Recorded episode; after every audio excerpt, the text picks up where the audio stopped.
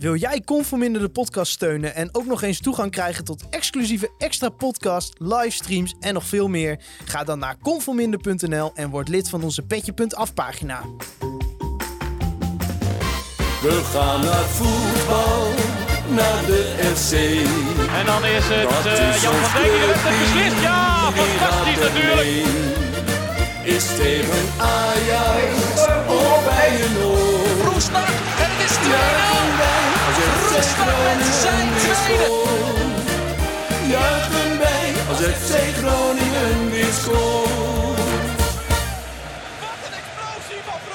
Conform in de podcast, aflevering nummer 41 van seizoen 4.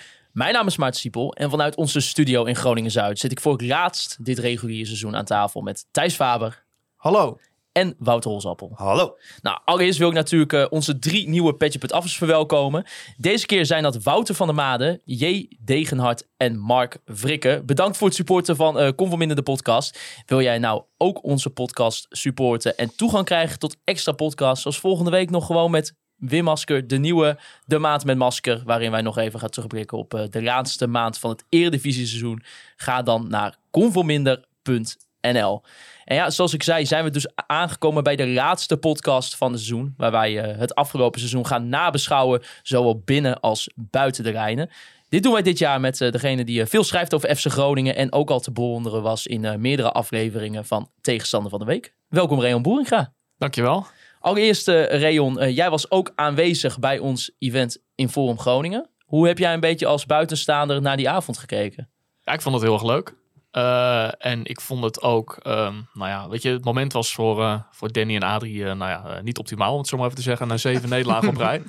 Danny Buis geeft voetballes, hè? Ja, maar ik vond wel het, laten we zeggen, uitleggen wat je doet. als je, want je bent trainer van een voetbalclub, maar dat is meer dan trainer zijn van gewoon een selectie en daarmee wat gaan proberen prestaties te behalen. Want je hebt ook te maken met een achterban en die willen weten wat er gebeurt. En nou, als je kijkt hoe dit dan uh, gestalte kreeg en hoe op welke manier je dan je supporters informeert, dat is echt op een hele andere manier dan dat je na een wedstrijd voor een camera staat of een perspraatje hebt. Dit is echt next level, zeg maar.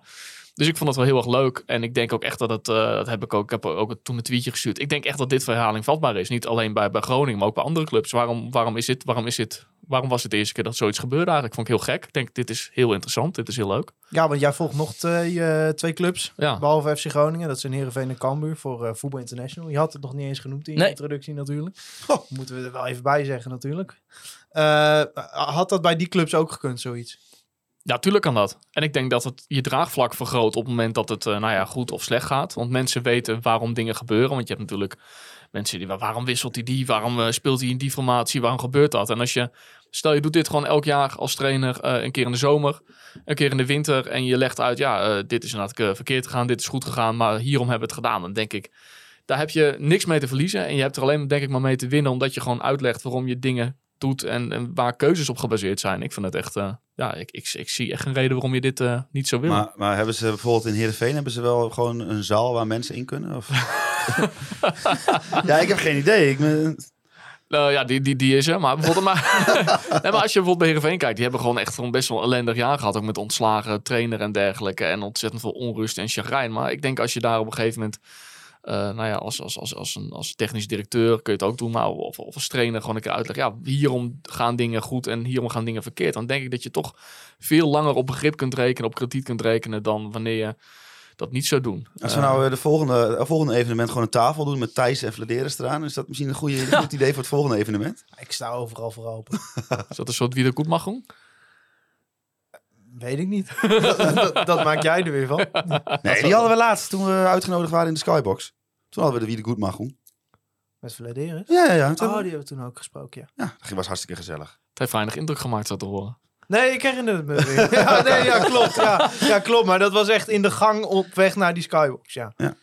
Ja, Reon, uh, mensen konden het ook op social media zien dat jij na afloop van dat event uh, nog even naar de Hasrent bent geweest op mijn swapfiets. Uh, er kwamen toch wat vragen van binnen. Allereerst was Wouter Holsappel was benieuwd hoe jij je kebab eet. Is dat met witte of rode saus? Dat is met witte saus. Witte saus. Ja, en dan vervolgens, ja, Ferdinand Bol, die dat vroeg ook nog, ja, voor Reon, hoeveel sterren geef jij Hasret nou?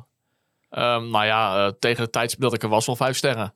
Ja. Ja, en ook in de staat waarin ik verkeerde toen ik er kwam. Ja, ja, ja, Ja, dat ja. kan ik me wel wel Ja, voorstellen. Ja, ja, ja. nee, dat, dat zijn toch de info wat de mensen blijkbaar uh, Nee, maar zonder gekheid, Hasret is voor een kebabzaak echt een goede kebabzaak. Je hebt ook wel eens van die zaken, daar kom je binnen en dan denk je, oké, dit wordt vannacht buikramp, zeg maar. Maar Hasret is wel echt gewoon goed. Dat is echt, dan kun je gewoon naar binnen en je weet dat, het, nou, dat je daar gewoon een, een degelijk broodje krijgt. Jij zat 's ochtends met eh knoflookgeur uit je bek weer de fles te geven. Ja, ja, ja. ja, Ja, want het originele plan eh, toen jij je bij ons aanmeldde om bij die avond aanwezig te zijn, was van nou, ik wilde misschien wel een reportage over schrijven. Maar toen dacht ik wel, toen ik op een gegeven moment met jou op het terras zat en de volgende ronde Bako werd besteld, dat ik dacht van, hier gaat volgens mij geen reportage meer uitkomen. even voor de record, dat had ik van tevoren al aangekondigd bij, bij Wouter. Ik weet niet of hij dat eh, gecommuniceerd had. Maar wij ik had, eh, communiceren niet met elkaar. Nee, nee, wij, dat- wij, wij spreken elkaar alleen hier in de studio. Ja, nee, dat is, dat is duidelijk. Dat is Nou. ook, ook een beetje volgens clubtraditie. eh, ja, ja. Je had, je had eerst gezegd van, eh, hey, want, to- to- van, kan ik ook komen? En dan ga ik een reportage over schrijven. Ja, ja. Pas op de dag zelf zei je, nee, ben je gek, ga ik niet doen. Nee, klopt. Ja, maar da- dan merk je toch, weet je, zo'n gepokt en gemazelde journalist, Ja. die wil zich op, toch eerst even binnenkrijgen door ons een belofte te doen naast bekendheid in, in Ja. Voetbal International, blad met de grote rijkwijde, zoals Adam Mos zou zeggen. En, en, en dan op de dag zelf volledig laten afweten, Ja, maar nee, toch maar- van die vrijkaarten profiteren. Ja, maar da- daarom is hij natuurlijk ook vanavond weer hier, hè, om zijn expertise weer met ons te delen. Zo is het. Ja, en en zo, zie dit als zo een betaal je elkaar constant. Zo is het, ja. Ja, wij Ja, barteren ja. onszelf het leven Ja. door. Af en toe een transferprimeurtje hier en daar. Ja. Zelfs als het niet over onze eigen club gaat. Jullie zijn goed voor me, jongens. Ja. Ja.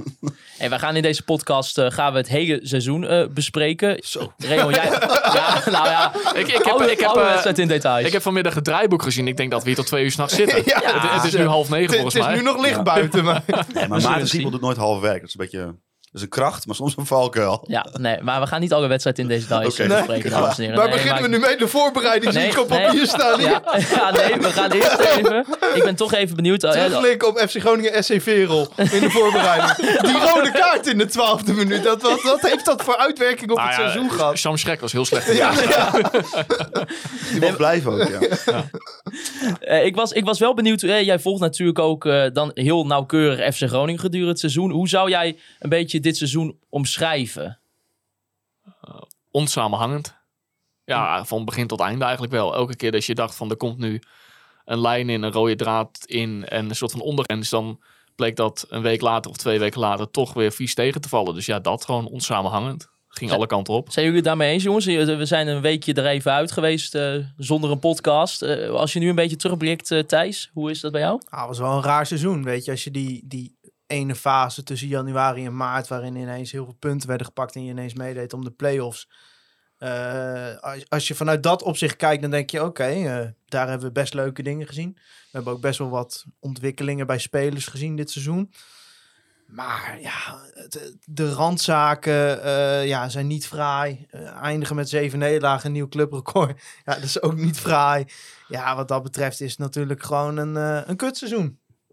Ja, het was, het was eh, hoe zeg ik dat netjes? Ja, zeg maar, op het moment dat, eh, dat de wind in de zeilen zat, dacht je van, nou, AZ en Twente moeten oppassen, want eh, het kon nog wel eens gevaarlijk worden.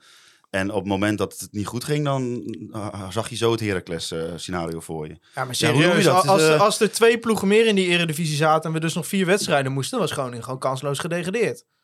Ja, nee. eh, Want, want dan, dan, we hadden geen wedstrijd meer gewonnen. Dus dan had iedereen onder ons dus ook nog ingehaald. Maar goed, ja, kijk, dat is misschien dan het verschil dat je, of je het zeg maar vanaf eh, de Noordtribune bekijkt, of dat je het vanaf de perstribune bekijkt. Ik denk dat dat daar nog wel een klein beetje verschil in zit. Maar dat, dat, die emotie zit er nog veel, veel hoger op. Ja, kijk op jij naar het proces, Reon? Jij bent het niet met deze Ja. uitspraak van mij eens. Nou ja, nee ik, nee, ik denk dat het wel redelijk dicht bij de waarheid zit. Als het seizoen nog eh, twee of vier wedstrijden had geduurd, was je echt gewoon in problemen gekomen. ja. Alleen het gek is dat eh, nou ja, uiteindelijk Heracles dat degradeert door zo'n hele bizarre samenloop van de laatste vier speeldagen. Ja. En, en Heerenveen haalt dan uiteindelijk de play-offs. En eindigen heel veel clubs onder Groningen eindigen in een soort van virwar ertussen. Alleen eh, eigenlijk die hele, die hele reeks van plek 8 tot en met plek 16 is echt een soort, ja, een soort willekeur van een penalty die je wel meekrijgt of Ja. niet meekrijgt. Een bal binnenkant paal of buitenkant paal. En ja, eigenlijk het... Voor heel veel clubs is dat logisch dat ze daarin terechtkomen. Want je Cambuur en RKC en, en, en, die, die verwacht je daar uiteindelijk wel. Want die hebben niet zoveel geld en die hebben niet zulke goede spelers. Alleen van Groningen verwacht je natuurlijk wel dat je niet in een soort van totale ja, situatie van willekeur en geluk en ongeluk eh, terechtkomt. Jij noemde net onsamenhangend. Ik zou ook eh, willen zeggen, zeg maar, bijvoorbeeld zo'n Cyril Ngonge. Het ene moment denk je, dit is de nieuwe ster van FC Groningen. Dit gaat hem worden. En het andere moment kan die er helemaal niks van. En ik denk dat dat soort Ja. eh, hè, die, die instabiliteit in prestaties, dat dat misschien wel het verhaal van dit seizoen tekent. Ja, maar wat ik probeer te zeggen eh, met wat ik net zei. Weet je, eh, oké, het is gebeurd, dus je hebt er niets meer aan. Maar schiet Postema die bal er tegen NEC niet in. Eindig je op 34 punten. Dan moet je het op doelsaldo eens met Heracles gaan Ja, maar dat- dat- Nou, dat- dat- Je ziet aan Heracles wat er gebeurt als je in die play-offs belandt. Ja, maar dat is natuurlijk ook niet zo. Want stel, het was, eh, het was, die wedstrijd was niet 4-3 geworden. Dan had je misschien de week daarna weer een andere reactie gehad. Je, natuurlijk. dat, dat, dat kun je, je kunt, je kunt bij wijze van Je kunt spreken- altijd als, Het enige als, wat je als, kunt zeggen maar- bij Heracles is niet gedegradeerd als Sian Fleming van Fortuna op het laatste Ja, dag nee. Weet je, daar is echt gewoon duidelijk te herleiden Nee, tot. maar, het dit is, wel weer- raar, want eh, waarschijnlijk zal Vladeren zeggen... ja, we hebben tot de laatste speelronde kunnen meedoen om de play-offs. Maar eigenlijk ben je maar twee punten boven de degradatiestreep geëindigd. Eh, in elk ander seizoen had je nu meer dan 10 punten van play-off plekken afgezeten. Ja, nou, het kijk, als je het glas half vol wil zien, dan zie je het inderdaad zo. Dan kun je zeggen, we hebben meegedaan tot play-offs. Half leeg is inderdaad ja, nog twee wedstrijden, we waren gedegradeerd. Maar ik denk als je ja, een beetje ja, de, de, de nuance aanbrengt, is heel veel clubs is het gewoon logisch dat ze in zo'n rare, willekeurige en chaotische situatie terechtkomen aan het einde van het seizoen. Maar voor Groningen ehm, ja, mag dat niet gebeuren als je kijkt naar eh, nou ja, de financiële middelen die je hebt ten opzichte van de RKC's en de Cambuurs van deze wereld. Dan moet je een situatie kunnen creëren dat je nou ja, niet eh, niet in ja, zo'n situatie terechtkomt vlak voor het einde van het seizoen. En uiteindelijk met 36 punten? 36. 36 punten, ja, dat is gewoon echt ontzettend weinig. Ja, zeker als je bedenkt dat de doelstelling voor het seizoen was... om nog meer punten te halen dan vorig Ja. seizoen. Ja. Ja, en dat is dus gewoon eigenlijk vanaf het begin van het seizoen. En we hadden het net voor de grap even over Verel en Osnabrück in die wedstrijden toen in Duitsland. Ja, daar begon het seizoen natuurlijk eh, qua wedstrijden. Alleen voor mij begint het verhaal van dit seizoen eigenlijk...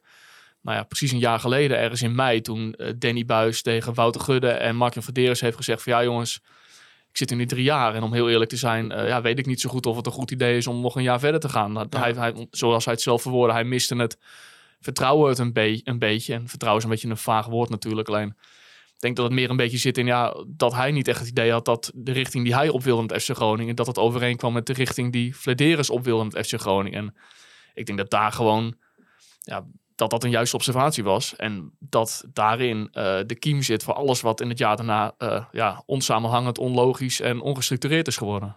Ja, ik moet zeggen, eh, wij spraken Danny natuurlijk voor ons evenement. Is dat al twee weken geleden weer? Ja, is 16 alweer mei, Twee eh, weken geleden. Eh, wij spraken hem natuurlijk toen en hij heeft het niet letterlijk gezegd, maar we hebben het wel over dit gehad, ook dat gesprek.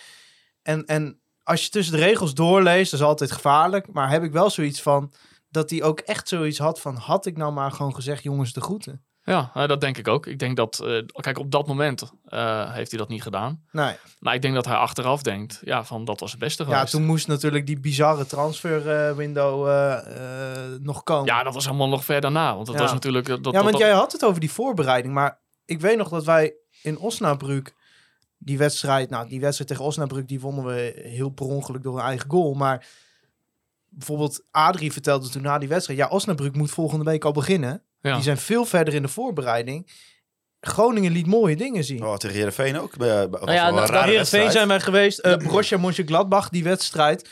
Maar dat was nog met Matasiwa Goedmanson. Nou ja, dat is ook waarom ik toch wel... Kijk, we gaan niet in, eh, in detail minuut 40 tot en met 50 tegen PKNS bespreken die we speelden.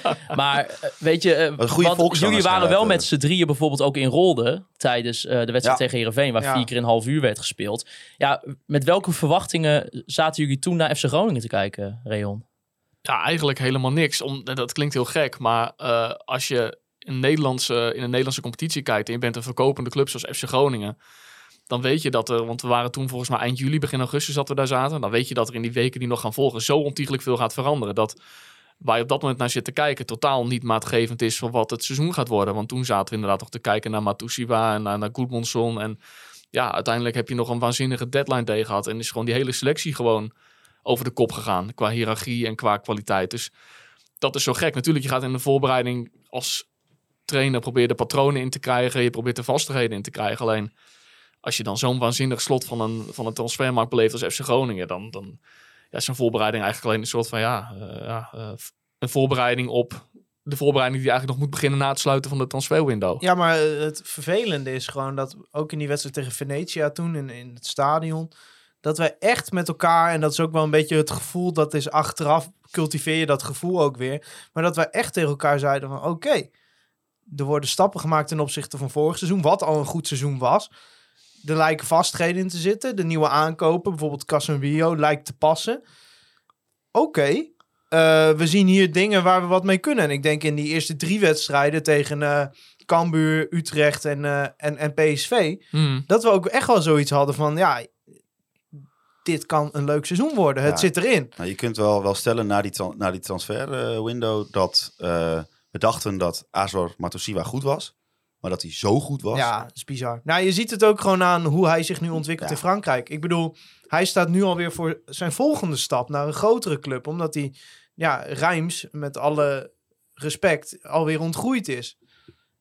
Ja, en, en als je, als je eh, de technische staf ook hoort over zijn rol in de kleedkamer. Ja. Ja, dan ben je Ja. zo'n belangrijke speler op de laatste dag kwijtgeraakt. En niemand zag dat aankomen een week, een week Nee. daarvoor. Want dat was eerst, kijk, met Goodmanson, dat heeft hij hele zomer onder de lucht Ja. gehangen natuurlijk. Je wist dat hij ging vertrekken. Maar met Matusiwa, ik weet nog steeds dat ik na die wedstrijd tegen Cambuur in Leeuwarden sprak ik met hem eh, over die wedstrijd. En op een gegeven moment vroeg van, joh, Asso, ga je nog vertrekken?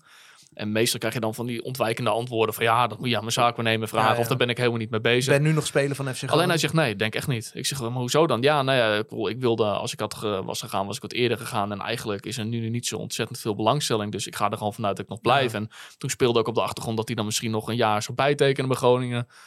Alleen ja, op een gegeven moment komt, eh komt Rijms tussendoor. En hij is er toen met Groningen niet uitgekomen over dat, over dat contract. En weg is hij. En nou ja, je kunt wel zeggen dat dat echt een gigantisch, eh, gigantische aderlating Ja, is maar aan de andere kant kun je dan ook zeggen, zeggen natuurlijk dat dat eh, geld goed, ge- goed besteed is. Om eh, die spelersfondsen af te komen. Ja, Dus- voor de lange termijn wel. Maar Ja, wat wel is- een beetje het verhaal van dit seizoen is, is dat. Kijk, je hebt heel lang kunnen meedoen om de play-offs. Om een aantal wonderbaarlijke redenen. Dat is die bizarre reeks tussen januari en maart.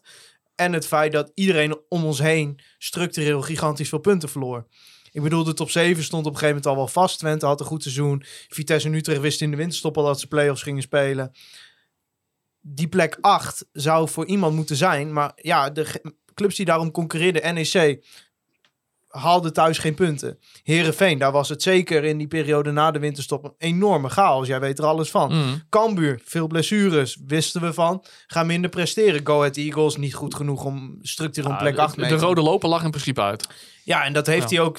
FC Groningen heeft ondanks dat ze zes keer op rij verloren tot de ene laatste speelronde op pole position gestaan. Ja. En, en daardoor heb je lang het gevoel gehad van die play-offs, het kan.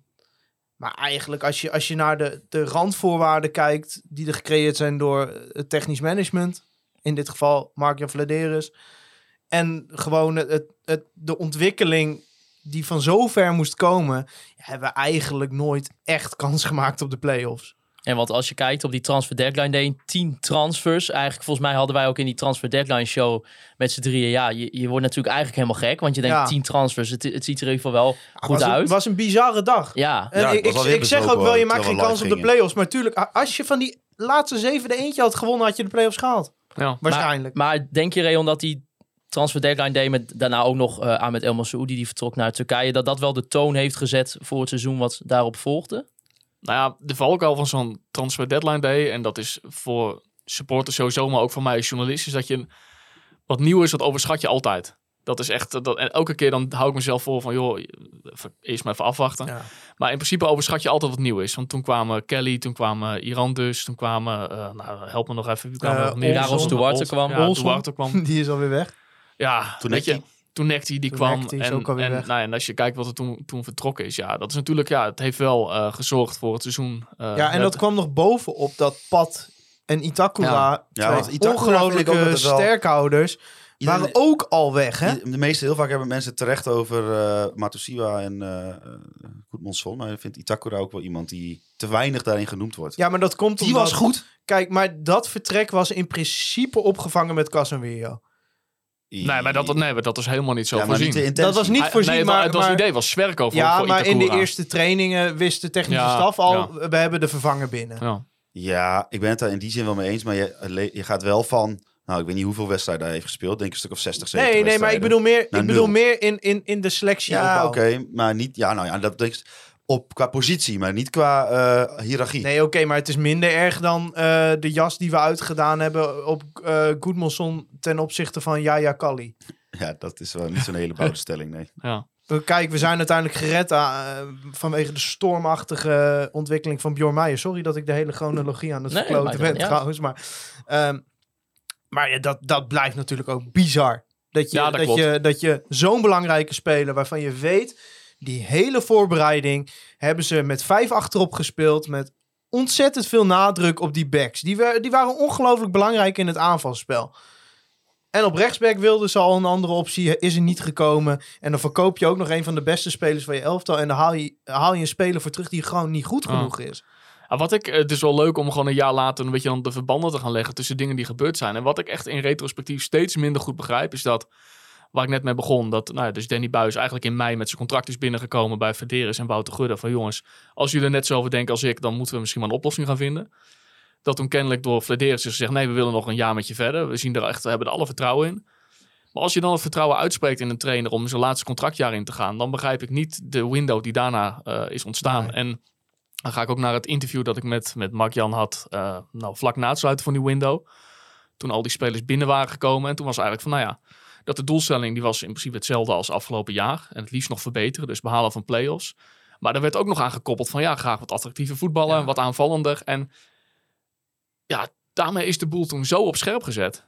Want als jij het vertrouwen uitspreekt in een, in een trainer als Danny Buis, dan vind ik ook dat je daar, eh, dat je hem moet faciliteren in de manier waarop hij werkt. Ja. En natuurlijk kun je als club zeggen van ja, eh, weet je, we willen graag de accent wat meer zo leggen. Alleen dit ging gewoon van, ja, ging bijna 180 graden de andere kant op. Dus laten we die eens even lekker uit zijn comfortzone trekken. En eh, dat kun je wel doen. Alleen eh, ja, met dat interview werd de, boel, werd de zo op scherp gezet en gaf je zo eh, neer van nou ja, het moet op deze manier en niet anders. Dat ik denk van ja, waarom is dan in mei wel uitgesproken, we hebben het vertrouwen erin, terwijl je weet de manier waarop Danny Buis werkt. En komen vervolgens allemaal spelers waarvan je weet dat het heel erg moeilijk gaat worden voor die trainer om ja, in zijn aanpak daar iets van te maken. En ja, het gevolg daarvan is dat je een, ja, een seizoen hebt gehad dat eigenlijk nooit op gang is gekomen. Maar je hebt dat een beetje, eh dat Flederis in die zin soms wat ja, raar met de buitenwacht is omgegaan. Omdat hij bijvoorbeeld ook bij, eh, aan de telefoon bij de koffiecorner bij RTV Noord toen een keer zei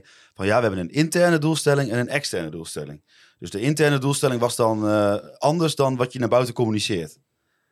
En, wat, en wat, was, wat was de interne doelstelling dan? Ja, dat, Ja, dat wilde hij niet zeggen. Ja, maar, ja, maar dan, dan, kun je dat toch, tenminste, ja, ik ga ervan uit als iemand tegen mij zegt, dit is de doelstelling. Ja, dat is de doelstelling. Maar kijk, wij zitten hier nu ook weer eh, twee weken na het seizoen voorbij, voorbij is eh, over eh, een eh, club te praten die afgelopen twee weken helemaal niks heeft gedaan. Ja, maar dat, dat, wilde ik net aansnijden. Andere podcasts doen dat ook. En jij schrijft erover. En die is ermee bezig. Je moet wel een beetje van bewust van zijn. Dat, nou ja, er zijn heel veel mensen die het heel interessant vinden. Nee, maar, maar wat jij zegt, een club die niks heeft gedaan. Jij hebt het over het voetballende gedeelte. Maar wat ik nog wilde aansnijden, als we ook weer even terugkijken naar dat interview van jou. Oké, we hebben een afsluitend interview van Wouter Gudde gehad. Waar is Mark-Jan Vladeris? Maar die moet zich, als jij een doelstelling zo concreet niet haalt, dan moet toch ook een technisch directeur tot de verantwoording. Ja, tot verantwoording, dat klinkt heel, heel zwaar. Even vertellen hoe Maar die moeten gewoon vertellen hoe die erop terugkijkt, welke keuzes die wel of niet goed heeft gedaan en wat hij graag richting komend seizoen anders wil doen. Wat hij heeft geleerd van, van verschillende soaps die zich hebben kijkt. Ik voel afgespeeld. toch echt die avond in het forum aankomen, Thijs. Met jou en uh, Mark-Jan. Ja, nee, maar, maar ik vind het echt, want je bent gewoon directeur, hè? Je bent gewoon iemand die de woordvoering moet doen. En ze hebben nu dan Wouter Gudde, die wordt elke keer naar voren gestuurd om de communicatie te doen. En dat snap ik, want die kan dat wel. Maar het is wel gewoon, je- je- ja, ja oké, maar het, het, lijkt allemaal wat stellig. Maar Wouter Gudde kan wel een stuk beter communiceren dan Mark en Vladeris, toch? Nou ja, Mark-Jan heeft wel, wat jij zegt, een, een terugtrekkende beweging gemaakt, denk ik, de afgelopen periode. Ja, maar dat Eh, Gudde qua- ook gewoon tegen ons media dat bewust gedaan en, en, hebben, en, ik, dus. en ik snap dat ook wel, eh, als je inderdaad kijkt naar de, de problematiek die is ontstaan. Eh, ik vind wel, eh, om eventjes een, laten een positieve nuance te, te plaatsen. Als je kijkt naar, we zeggen, hoe het bijvoorbeeld anderhalf jaar geleden is gegaan rond, eh, rond Remco Balk. En als je kijkt hoe het bijvoorbeeld is gegaan rond Bjorn Meijer. Je ziet wel dat hij het probeert te verbeteren, dat Ik zeg hij ook leert. niet dat hij zich niet ontwikkelt. nee, maar, nee, nee, nee, maar, maar, ik, wil, ja. ik wil gewoon een technisch directeur. Als iemand directeur is, wil ik dat hij ook het woord doet, zichtbaar is. Ja, Ja. maar ik- hier Je kunt niet je handen ervan aftrekken. Je kunt niet voor het seizoen zeggen: wij moeten Europees voetbal halen. eh, dat is de doelstelling. Net zoveel punten als het kan. Meer attractief voetbal. Als je dat niet haalt, dan heb je gewoon wat uit te leggen. En dat is prima, want heel veel keuzes zijn waarschijnlijk te verantwoorden. Nee, maar, je- moet het wel verantwoorden. maar hier spreekt echt even, zeg maar, Thijs, de emotionele voetbalsupporter van FC Groningen. Ja, ja, maar dat, ja, dat ben ik toch ook. Ja, nee, maar dat is wel... Ja, maar ik wil gewoon eh, een, een directeur hebben. Zo, kijk, dat interview met Wouter Gudde vond ik heel goed. Maar ik wil ook een technisch directeur hebben die dat sportieve gedeelte nog wat meer uit kan diepen. Want ik vind dat je gewoon richting een stadion dat sinds corona bijna elke keer, ehm, zeker Noord, uitverkocht is. Elke keer meer dan 20.000 mensen. Er, er is echt weer meer aandacht voor dan voor corona. Aan al die mensen en ook de mensen die niet in het stadion zijn en FC Groningen een warm hart toedragen. Vind ik dat je gewoon wat uit te leggen hebt op het moment dat je die laatste zeven verliest. Tuurlijk, trainer heeft er ook een aandeel in. Die heeft ook dingen niet goed gedaan. Maar Dat ik vind vindt hij zelf trouwens ook. ja, ik maak ook fouten, zegt hij altijd. En, eh, en het is zijn waarheid, maar niet de waarheid. Dat zegt Danny Buis altijd. Maar ik vind het heel raar dat, dat Mark-Jan Vladeris nog niet iets van een, een, Het is een gewoon, woordvoering het- het- heeft het is gedaan. heel simpel, het is gewoon damage control. Ja, maar dat is. Ja, nee, maar ik- dat, ik snap- dat ik kan snap- toch niet? nee, maar hij is directeur, hè? Ja, nee, ik snap, ik snap jouw emotie wel. En ik, en ik vind ook wat dat je voor een groot deel eh, dat, je, dat je daar gewoon een punt hebt.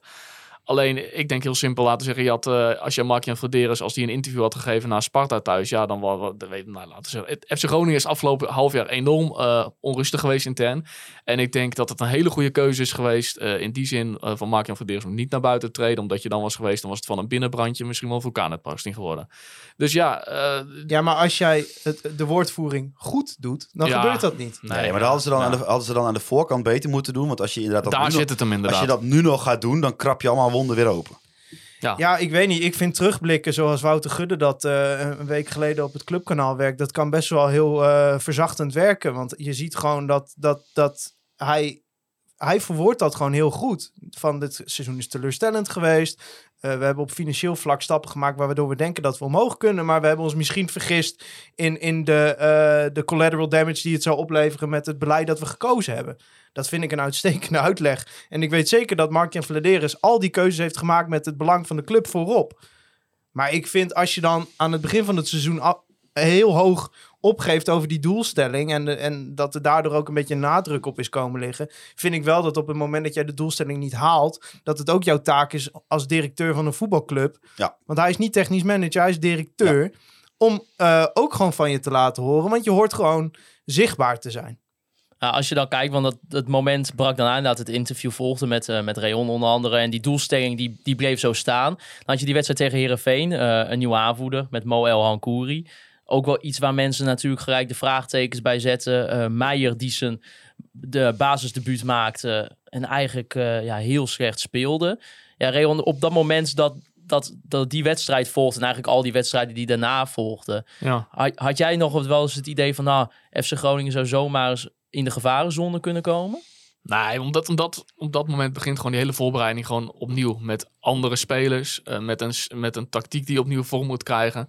Dus je kunt eigenlijk op dat moment kun je er, kun je heel, weinig, eh, kun je heel weinig zinnigs van zeggen. Je weet gewoon dat op dat moment dat een trainerstaf aan de slag gaat met het leren kennen van spelers. Met eh, kijken ja, wie kan wat, wie is op welke plek het beste. En eigenlijk kom je dan pas in oktober of eh, begin november kun je wat conclusies gaan trekken van nou ja, het krijgt vaste vorm en het gaat de goede kant op of het gaat de verkeerde kant op. Maar het was gewoon een hele ja, rare, rare fase natuurlijk. Want je zit op dat moment al volgens mij speelronde 6, 7. En ja, je hebt een selectie of een elftal dat eigenlijk gewoon geen ondergrens heeft. Dat zeg je toen tegen Herenveen ook. Dat is een hele, hele vreemde wedstrijd was dat destijds. Ja, En Thijs, vond jij het ook raar dat op dat moment Mo El Kouri aanvoerder werd gemaakt? Nee, want de uitleg was prima. Ze hadden dat als staf en selectie besloten. Ja, dat zijn toch ook uiteindelijk de mensen waar je aanvoerder van bent, zeg maar. Dus ja, als de spelers het daar in meerderheid mee eens waren en de staf zag het ook zitten, vond ik dat op dat moment een begrijpelijke keuze. was ook toch geen logisch alternatief. Er waren weinig spelers met een beetje senioriteit waarvan je op dat moment wist dat ze 90% van de Ja, wedstrijd gingen want spelen. eh, dat Michael de Leeuw uiteindelijk zoveel wedstrijden heeft gespeeld. Het was toen op, op dat moment was dat nog niet, eh, leek, dat nog, leek dat nog niet zo. Nee, en, en Van Hintem en Te Wierik, dat zijn gewoon geen aanvoerders. Als, je, wil- als je de mensen die dagelijks met ze werken moet geloven. En je wil natuurlijk ook gewoon een speler die een beetje de clubcultuur een beetje begrijpt en weet hoe die staf werkt. Wil je, natuurlijk, je wilt ja, wel iemand die die club echt vertegenwoordigt. Michael Leeuw was zo net eh, twee maanden speler van FC Groningen op dat moment Ja, natuurlijk. die heeft natuurlijk al wel een geschiedenis bij FC Groningen. Jawel, dat is zo. Maar ik snap wel dat je dat daarom misschien de voorkeur in eerste instantie naar Ellen Koeri ging. Nee, kijk, achteraf gezien natuurlijk, eh, op een gegeven moment heeft hij de band ingeleverd. Wat ik overigens nog steeds een hele nette manier van, van zaken vind. Van, ik, oké, ik verleng niet, dus ik ben ook geen aanvoerder meer. Eh, maar gewoon als je terugkijkt, vind ik de keuze niet gek. Nee, da- op dat moment niet. Nee, daarom. Maar het is maar nu dat, eh, achteraf, je, die, zeg je misschien, het was niet verstandig. Maar de hele manier waarop die beslissing tot stand is gekomen... is gewoon hoor dat, hoe dat hoort te maar gaan. als je verbanden gaat leggen wat Reon zegt, dan is het toch ook helemaal niet gek dat in dit seizoen juist ook die aanvoerdersband een soort circus werd. Ja, ja, ja, toch? ja, ik bedoel, en- en uiteindelijk, het- uiteindelijk, de allerlaatste wedstrijd stond... eh eh ik ga ik wel heel ver terug in de, ver, ver vooruit in de tijd. Maar stond, had Jurgen die band om, Strand Larsen. Hadden wij dat in Rolde kunnen bedenken? Dat Jurgen Strand Larsen de aanvoerder van Groningen kon zijn? nee, die liep erbij alsof hij... Het eh, verhaal wat we ongeveer elke week vertellen. Als je mij toen eh, had verteld eh, van eh, die speelt de tweede seizoen, seizoen zelf bij Telstar om vertrouwen te tanken, had ik je ook geloofd. Precies, Zeg maar. dus dat, het, Ja. is, dat is, ja, het is zo'n bijzonder seizoen wat dat betreft. Maar ja, het zal, eh, het zal, het zal er wel bij horen. Ja. Wat trouwens ook nog wel leuk was om, het, om, om, om terug te grijpen op die, die wedstrijd in Rolde. eh, dat we toen nog op tuinstoelen zaten die ongeveer drie meter bij elkaar vandaan eh, stonden. Zo, inderdaad. Echt een compleet andere tijd. ja, want corona is er ook nog gewoon. Ja. Ja, ja. En ik moet ook terugdenken aan, aan. Henk Veerman die getackeld werd door een ballenjongen van zes.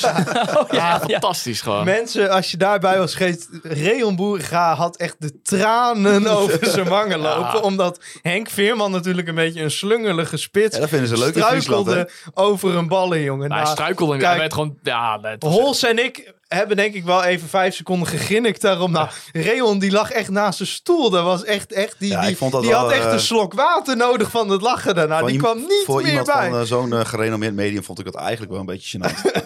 maakt me helemaal niks uit. Ja, het, het had zomaar het einde van het seizoen van Henk Veerman kunnen zijn. Hè? Ja, wie weet. Maar en, een dieptepunt was wel natuurlijk ook het 1-1 gelijkspel tegen Sparta Rotterdam. Wat een beetje het, ja, het kwart vormde van het, van het seizoen. Groningen op de 16e plaats. Danny Buis die zei van ja, ik heb voor het eerst sinds ik trainer ben bij FC Groningen, eh, dus in 3,5 jaar tijdens de tweede helft geen team op het veld zien staan. Eh Reon, heb je op dat moment ook toen met, met Buis daarover gepraat? Over die gehele situatie waarin eh, hij eigenlijk een beetje ook het vuurtje nogmaals opstookte? Ja, ja, hij mist ja, wat hij miste, hij kon zich op dat moment, en dat heeft hij later in het seizoen ook nog een paar keer gehad, niet identificeren met de ploeg waar hij trainer van was. En dat is natuurlijk ook wel gewoon een beetje een rode draad die je dat hele seizoen hebt gehad. Want hij toen heeft hij het eigenlijk voor het eerst echt geroepen naar buiten. En dat is dan de laatste week van het seizoen nog een paar keer gebeurd. Eh, ja, dat dit geen Danny Buis elftal was. En dat hij eigenlijk gewoon, denk eigenlijk van speeldag eh, 1 tot en met 34, geen moment het gevoel heeft gehad dat hij deze selectie daadwerkelijk echt in zijn vingers had. Omdat elke keer dat hij dacht van, nou ja, ik heb iets te pakken, eh, ontglipt het toch weer. En eh, ja, dat is voor mij ook echt een rode draad hierin. En ja, je zag het daar op dat moment, zag je het voor het eerst echt naar voren komen dat dit gewoon geen match was. Dat deze trainer en deze selectie, dat dat gewoon, dat dat niet klikte. Thijs, begon jij je wel ook als supporter, als je dan hè, FC Groningen op de 16e plaats ziet staan na een kwart seizoen, begon jij je wel al heel erg zorgen te maken? Nou, je, je wist toen wel dat, dat op zich had je denk ik wel te veel kwaliteit om, om te degraderen. Ondanks dat het wel kwaliteit was wat zich echt nog wel moest ontwikkelen. Ehm, maar ja, als je, kijk, dat was ook het moment dat de verhalen begonnen te komen. Dat zul jij ook herinneren, dat, dat over de onrust intern. Bijvoorbeeld dat ze na die wedstrijd tegen Sparta gewoon letterlijk gepeld hebben Ja. bij de selectie van... eh, hebben jullie nog wel vertrouwen in onze staf? Ja, dat soort dingen. Als je, als je dat hoort, dan denk je natuurlijk van ja, dat is, dat is niet normaal. Nou ja, is niet ik- dat doe je niet als je derde staat. Nee, dat is niet wat je midden in een seizoen eh, eh, hoopt. Maar ja, om nou te zeggen dat ik echt met degradatie rekening heb gehouden. Het was wel in die fase dat, dat Pek Zwolle echt heel, heel matig was. Dus toen, toen dacht ik al van oké, die gaan waarschijnlijk sowieso achttiende worden. Dan is er nog één plekje over. Dat ik toen wel het gevoel had van oké, we gaan sowieso nog wel twee ploegen onder ons houden. Zeg. Ja, maar er is toch dit seizoen nooit echt een... Ja, tuurlijk heb je gewoon een, een slecht begin van het seizoen gehad. Maar je hebt toch nooit serieus gedacht van... Ja, maar ja, wat ik zeg, Heracles ook niet, hè? Nee, nee, dat is ook wel zo. Maar op dat moment kon je ook niet voorzien dat het seizoen zo'n bizarre afloop zou nee, hebben. dat is waar, dat is waar. Nee, op een gegeven moment toen, toen we weer een beetje punten begonnen te pakken, toen tegen Fortuna, Go Ahead en tegen AZ thuis, toen dacht ik wel van oké, die 34 punten, dat komt op een gegeven moment in zicht. Het was achteraf niet genoeg geweest trouwens, 34 punten. Ja. Want Heracles had ook 34 punten, maar ja, om nou te zeggen dat ik echt bang ben geweest voor degradatie, ik kan het me niet meer herinneren. Nou, je pakt ook inderdaad wel inderdaad in die fase daarna wel begon je de puntjes alvast te sprokkelen. Dat je in ieder geval wist voor de winterstop van nou, we zijn in Ja, die zin wel Maar safe. het was wel, ik weet niet of jij je dat ook kan herinneren, Maarten, dat wij toen al wel het gevoel hadden van het seizoen is voorbij. Ja. We, we, zijn nog, we hebben nog overwinterd in de beker. Maar dat wij wel echt... Dat was natuurlijk nog voor die hele goede fase. eh, vlak na de Daar winter. was jij ook in je eentje bij van ons, hè? Die bekerwedstrijd tegen Excelsior, ja. Ja. dat was echt de kers op de taart van een geweldige eerste seizoen zelf. Ja. Maar je zag toch Maar, aan het eh, einde van die eerste seizoen zelf, bijvoorbeeld die wedstrijd thuis tegen Feyenoord. Toen vond ik juist dat die fase, die bijvoorbeeld januari tot en met maart, waarin je die groei echt in punten zag, vond ik dat je daar toen wel het begin al ja, van zag. je hoor. zag daar wel bijvoorbeeld de kwaliteit van Duarte, Strand Larsen en zo, wat ons in die fase En je, en je zag toen ook echt een beetje die defensieve ondergrens. Zag je toen in één keer wel ontstaan. Die de laatste weken trouwens weer volledig weg was. Ongelooflijk, Maar ja. die zag je toen in één keer wel ontstaan. Dat je dacht Dat is oké. nog wel dit- de mooiste indicator van dat dit geen Danny Buis elftal was. Nee, klopt. Dat klopt. Het aantal doelpunten en kansen dat Groningen tegen Ja, dat is echt bizar. Maar, maar je zag het toen in die fase tegen Feyenoord, zag je, vond ik echt een goede wedstrijd. Zag je echt van, nou ja, er zit een plan, er zit een structuur in. De spelers die speelden volgens dat plan. En eh, er werd resultaat behaald, 1-1. Dat was een goal van Strand Larsen, nou, die paas van Duarte. Dat was echt fantastisch. Ja.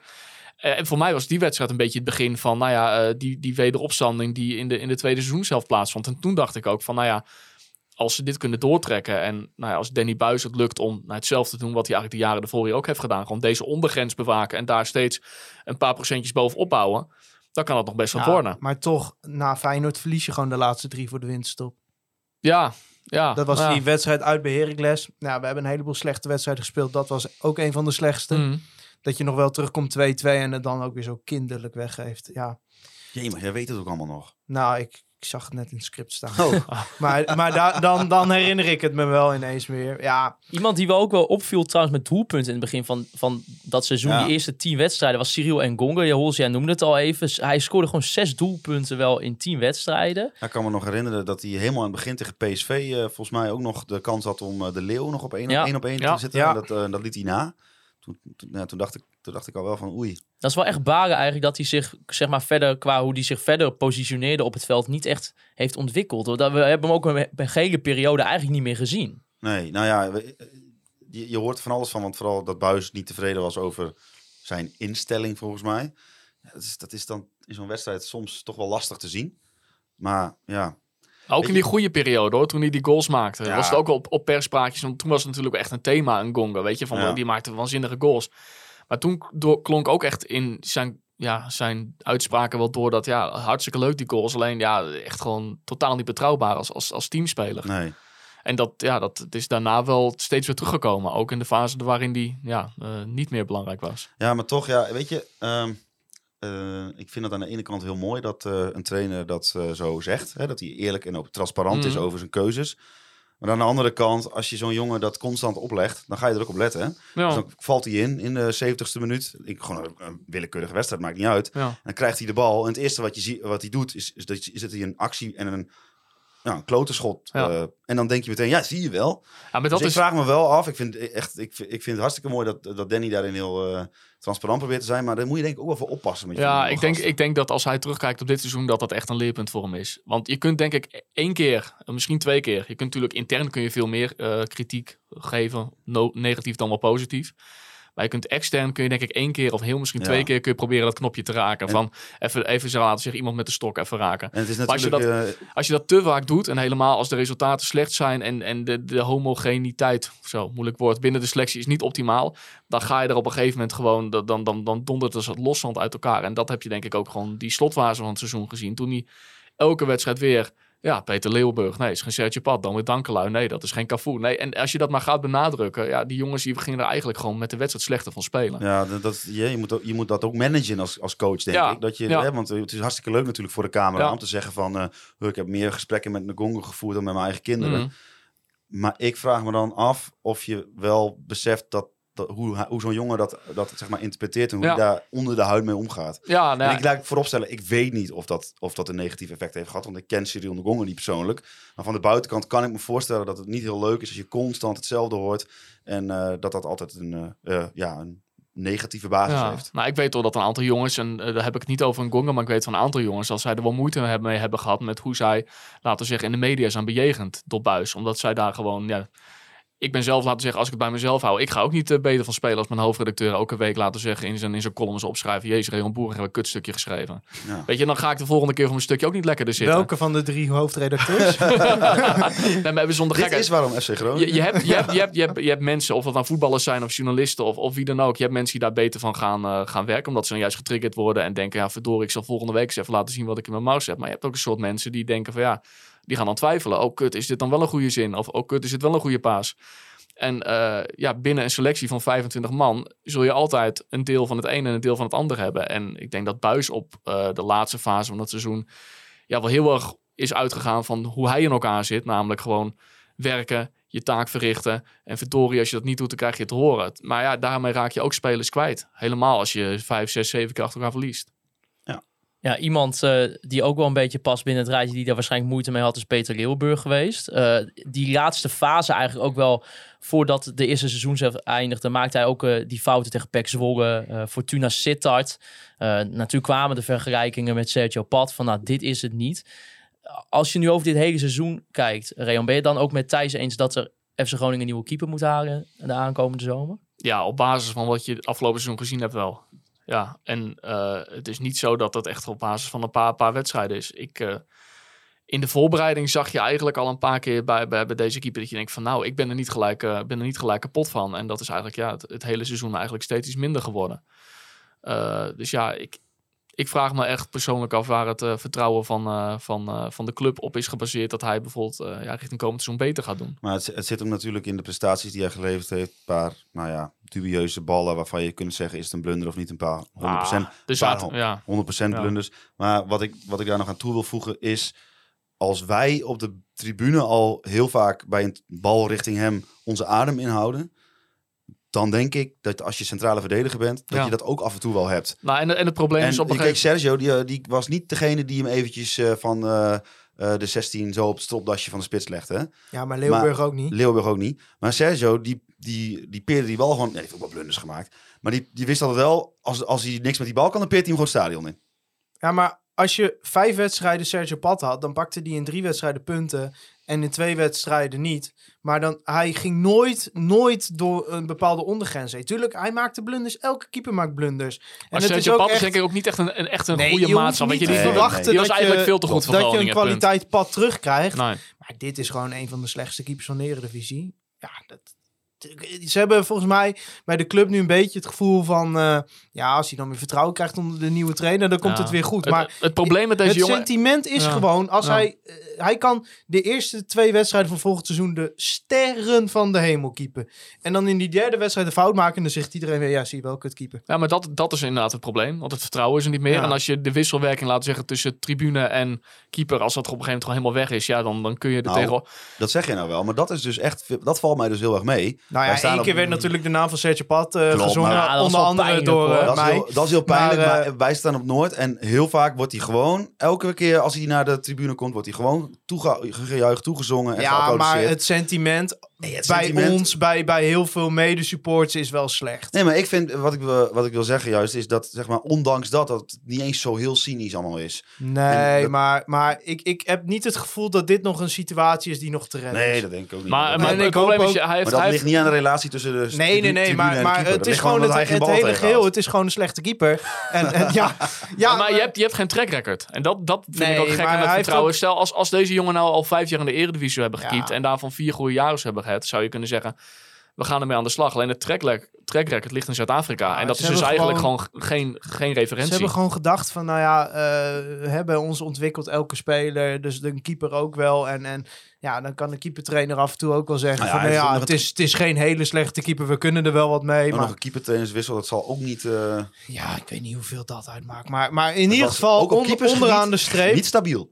Onderaan, Onsamenhangend. Onderaan de streep denk ik dat je wel moet concluderen dat als je jezelf nog een beetje serieus wil nemen als club die om de play-offs wil meedoen, dat je met deze keeper... eh, ja, of je moet ineens vier ongelooflijk goede verdedigers kopen dat die, dat die niet aan de bak hoeft en dat hij er misschien eh, met wat meer vertrouwen staat. Maar, Maar het bizar is, er lopen echt best wel veel gewoon hele slechte keepers Ja, de dus- Eredivisie. Als je ja, naar maar dat is Vitesse, Vitesse AZ... van, van Vladeris zal dat zijn. Van ja, noem Ja. mij dan tien betere keepers in de Eredivisie. Ja, die zijn er Ja. niet. Maar dat betekent niet dat deze wel kan keepen. Nee, dat is, dat is dan ook alweer zo. Nee, maar dan zie je naar, naar, naar, naar die keepers van Vitesse. Verschrikkelijk slecht. AZ heeft gewoon 2 miljoen betaald voor die AZ. Voor die, hoe heet die, eh Ja, ja, maar daar zien ze ook weer ontwikkeling in en zo. Ja, Ja, dat vind ik ook, ook geen topper. Utrecht heeft keeperprobleem. Maar ik vind dat geen reden om... Want het is juist, juist een positie waar je jezelf... Kijk, je koopt makkelijk een keeper die beter is dan de keeper van Utrecht... en dan een spits die beter is dan de spits van Utrecht. Snap je wat ik zeg? Dat is veel duurder. Ja, ja dat klopt. Keepers zijn over het algemeen wat, wat goedkoper Ja, maar het probleem is, Groningen ziet eh, aankopen om te investeren. En aan de keeper ga je Ja. niet zo snel weer verdienen. Dat is dan ook weer een beetje de pest. Ja, maar ja, waar ga je Leeuwburg nu nog voor verkopen dan? Nee, niet. Maar, Denk je die, dat maar, Telstar maar, daar maar ik veel bedoel, geld voor over heeft? hij is transfervrij gekomen. Ja, dus in principe, daar kun je op salaris na kun je daar geen verlies op leiden. Maar als je een keeper gaat kopen, stel je koopt een keeper van 5 ton, de kans dat die 5 miljoen waard wordt is heel erg klein. Terwijl als je dat met de Ja, spits doet, is, maar is ja, het wel andersom. is lekker rustig zonder druk in eh, Zuid-Afrika spelen met een appartementje aan de zee. En dan ga je daarna ga je in Groningen wonen en dan word je, word je uitgefloten en dan wordt, eh, wordt, wordt de naam van Sergio Pat Ja, mis- misschien heeft hij zelf wel iets van, alsjeblieft joh, haal me hier weg. Ja, en er zitten een paar kneuzen in de podcast je ook nog elke week kapot te maken. Ja.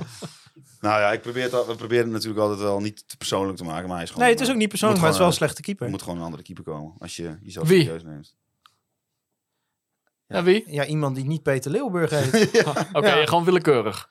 nou ja, Nou ja, ik bedoel, eh, mij een beetje met deze vraag. Oké. Nou, ik vond Nico Live vond ik geen gekke optie, wat ze, Ja. wat ze hadden bedacht. Nou, ja, Ja, die of, vond het eh, kennelijk te ver rijden, Groningen. Of nou ja, eh, die het op. eh eh, Gorten van Ajax. Jaartje huren. Ja, bijvoorbeeld. Ja, ja. Voor mij is dat Olijn nooit echt een kwestie geweest. Volgens mij is dat er een beetje ingegooid van, nou ja, weet je, dan gaan we Sparta een beetje spannend maken. Doen net als Groningen er ook achteraan zit. Dat Ah, terwijl vaak, Henk, denk terwijl Henk van. Stee al weg is bij eh, Sparta. Nee, maar Sparta wil natuurlijk hem halen. Dus dat is waarschijnlijk Ja. meer een beetje zaak nemen. Praat zich, oh, er zitten meer clubs achteraan, dus je moet een beetje haast maken. ja, Ja, volgens mij is het nooit echt een kwestie en geweest. dit is dus Waarom eh, hier een, zit. een clubwatcher, gepokt en gemazeld in het Ja. wereldje. Die weet alweer hoe dit werkt. Je hebt het alweer gezien. Het is allemaal van Johan Derksen geleerd. Nee, weinig van Johan Derksen. nee, ik heb niet veel, niet veel met, eh, met Johan Derksen samengewerkt. Eh, ik heb een jaar, met- een jaar ben ik, eh, heb ik in hetzelfde pand als hem gewerkt, maar weinig met hem te maken. Wel een mooie tijd. Bijzondere tijd. Ja. Rookte Ja. jij toen ook? Nee, ik heb nooit gerookt. Maar er werd, er werd bij VI wel veel gerookt destijds. En daar moest je niet zoveel over zeggen. Dat was, Nee? dat, nee, dat werd gewoon gedaan. Nee, dus Ook op de redactie. Ik werd serieus nog, ik, ik werkte daar en op een gegeven moment, ik kom gewoon de eerste dag kom ik thuis bij eh, de, toen mijn vriendin en die zegt van, "Hé, je stinkt helemaal naar roken. Ik zeg, ja, dat, dat gaat er maar aan wennen, zeg maar. dus, eh, ja, dat was gewoon de eerste keer. Dat Gewoon viel als ik, niet tegen op te wassen thuis. nee, nee, nee, maar dat was, op de redactie was ook een soort van hoogpolig tapijt en dat lag er volgens mij echt al in sinds midden jaren zeventig. Dus als elke stap die je daar zette, kwam er gewoon allemaal zo'n tabakslucht omhoog. Vergeelde muren, van die plafondpaten. Ja, het is echt niet normaal. Maar als je dan man. met iemand wilde praten, dan moest je ook echt zo'n muur van rook voor je Ja. Wegslaan om een gesprek te kunnen voeren. Nou, officieel was het toen wel een rookverbod. Alleen, nou ja, dat werd niet echt Ja, gehandhaafd, je zeg ziet maar. eh, maar, Johan al zitten. Oh, maar ik heb scheid aan dat Ah, rookverbod hoor. Ja, smerige bende, man. In Gouda was dat ja, toen Gouda, nog. ja. Ja. klopt, ja. ja. Dat is nu wel beter. is nu beter, ja. Ja. Ja. ja, ja, Pieter Zwart zat daar niet de boel blauw te roken op de redactie. Zo, wat zal ik nou weer eens... de- Daar is Pieter niet echt, eh, niet echt de persoon. En de aan. analyse Nee, klopt, van de halfspaces op het pakje Marlboro. eh, Oh, ik vond hij meer een check roken, maar... ja. Pijp. Pijp. Ja. Dat kan, ja. Nou, FC Groningen gaat eh, uiteindelijk... Oh, we als- waren aan het terugblikken van Ja, het ja. ja. Dit was even het, het luchtige intermezzo hè, in, eh, in, in een lange show. Welke, Nee. welke speelronde zijn we? Nee, we gaan naar de winterstop. eh, FC Oh, Groningen- hey, op de. Oh nee, want de laatste zeven slaan we over hè, Ja, van ja. het bespreken. Oh ja, nog maar tien te gaan. Nee, maar in die winterstop natuurlijk, we hadden het al over Mark-Jan Verderes. eh gebeurt er veel bij FC Groningen. Eh, het Leuk wordt bekend. podcastje. Een leuk podcastje. Een Nou, da- podcastje opgenomen. daar wilde ik onder andere naar refereren. Want Dan, Danny Buis gaat vertrekken. Dat geldt ook voor Adrie Poldervaart. En ja, je kan eigenlijk later ook wel Paul Matthijs natuurlijk eh, daaraan toevoegen. Zoals eh, luisteraar Milko Scheper zei. Ja, het was ook wel een turbulent seizoen op het gebied van eh, personeelsverloop. Ja, Reon, hoe heb jij als clubwatcher ook zitten kijken naar, naar die fase waarin Mark-Jan Verderes in, in al die podcasts terecht kwam? Ehm, Terecht kwam, hij ging er zelf zitten. Ja, hij ging- dat- ja, het is niet dat hij per ongeluk bij ons... Nee, eh, nee, nee, hij ging er zelf dan zitten wel. Maar dat was wel ook echt het moment dat de discussie omtrent Mark-Jan Zit je klaar met je, met je kopje koffie, 's ochtends in het Topsverzorgcentrum, loopt hij zo een podcaststudio binnen. Ja, voor dit weet ben je, ben je aan het opnemen met elkaar. Nou, maar wat jij net zei, Thijs, dat jij, dat jij hem verwijt van ja, maar hij is onzichtbaar. Wat ik toen, weet je, je kon ervan vinden wat je. Ja. Wat, Ja, je- ja, ja. wat ik echt goed vond, dat hij gewoon in de, in de paar dagen nadat hij die beslissing kenbaar maakte, hij zat bij jullie, hij zat bij RTV Noord, hij hij zat had bij ook Dagblad. pech dat zijn Hij persvoorlichter mij op maandag al had toegezegd dat er een optie was op die donderdagochtend. En toen in eerste instantie dacht ik van, nou ja, als jij mij op maandag, donderdag als tijdstip geeft, dat, dat kan ik, weet je, het is niet mijn fulltime werk dit, ik kan dat niet zomaar veranderen. Maar ja, toen hoorde je hè, in de wandelgangen van, nou, Danny Buis gaat er woensdag uit. Toen dacht ik van, nou, die afspraak op donderdagochtend lijkt me zo gek nog niet. Dus Maar ik- eh, ik ja, zo is dat een eh, beetje tot stand gekomen. Maar natuurlijk, eh, super dat hij er Hmm. ging zitten. Nou ja, klopt. Maar ik begrijp, wel ik begrijp meer, ja, maar ik- ik- antwoord geven op ja, de maar ik, ik, begrijp, ik, ik begrijp nog steeds niet waarom inderdaad het antwoord op de waarom-vraag eh, nooit gekomen is. Want volgens mij is dat helemaal niet zo moeilijk te formuleren. Daar hoef je helemaal geen mensen mee te beschadigen. Daar hoef je helemaal geen geheimen mee prijs te geven. Je kunt gewoon uitleg geven. Alleen doordat dat toen niet is gebeurd, ja, dat heeft denk ik mede ervoor gezorgd dat het hele, ja, dat het is blijven pruttelen, is blijven etteren en dat er allemaal ja, theorieën ontstonden. Eh, had gewoon een duidelijke uitleg gegeven. eh, hier, eh, waar je ook maar ja, een verhaal deed. En dan had je denk ik gewoon mensen een verhaal gegeven waar iedereen mee verder kon. En dat is toen niet gebeurd. Ja, want is het eigenlijk niet een beetje zo dat op zich, als je kijkt naar al die keuzes, Ja. dat dat eigenlijk best wel goed te verantwoorden is, maar dat het misschien dan toch dit seizoen in het communicatieve fout is gegaan. Nou ja, ik vond, ik vond de keuze inhoudelijk gezien, eh, daar heb ik ook al vaker iets over gezegd en geschreven, om, om met Adrie verder te, niet verder te gaan op dat moment, vond ik echt gewoon ver onder, ver onder, eh, onder de maat. Gewoon, en dan heb ik het niet over zijn kwaliteit als assistent trainer, maar gewoon puur op het menselijke vlak gezien wat er in de zomer toen was gebeurd. Maar dat heeft zichzelf inmiddels eh, allemaal opgelost. Dat is het mooie van Adrie Poldervaart. Alleen wat betreft om nou na 3,5 jaar tegen Danny Buis te zeggen, we gaan volgend jaar op zoek naar andere trainer. Dat is echt prima, prima uit te leggen. En dat was ook, nou ja, als je kijkt, lastig half jaar, eerste half jaar van, van, van dit seizoen. Eh, dat ging niet zoals ze wilden. Nou, ja, de Maar het lag samenwerking. niet aan de prestaties, hè? Nou ja, oh man. Maar ik bedoel, de, sa- de, samen, Ja, maar de, dat samenwer- de, samen- de samenwerking wedstrijd schroeven. Je kon, dat, je kon het prima verantwoorden. Ja. De club, gaat club gaat een nieuwe fase in. We gaan wat anders doen. Alleen, ja, het- het- er werd heel erg in de kramp geschoten. En ja, dat, dat heel erg merkwaardig is dat gewoon.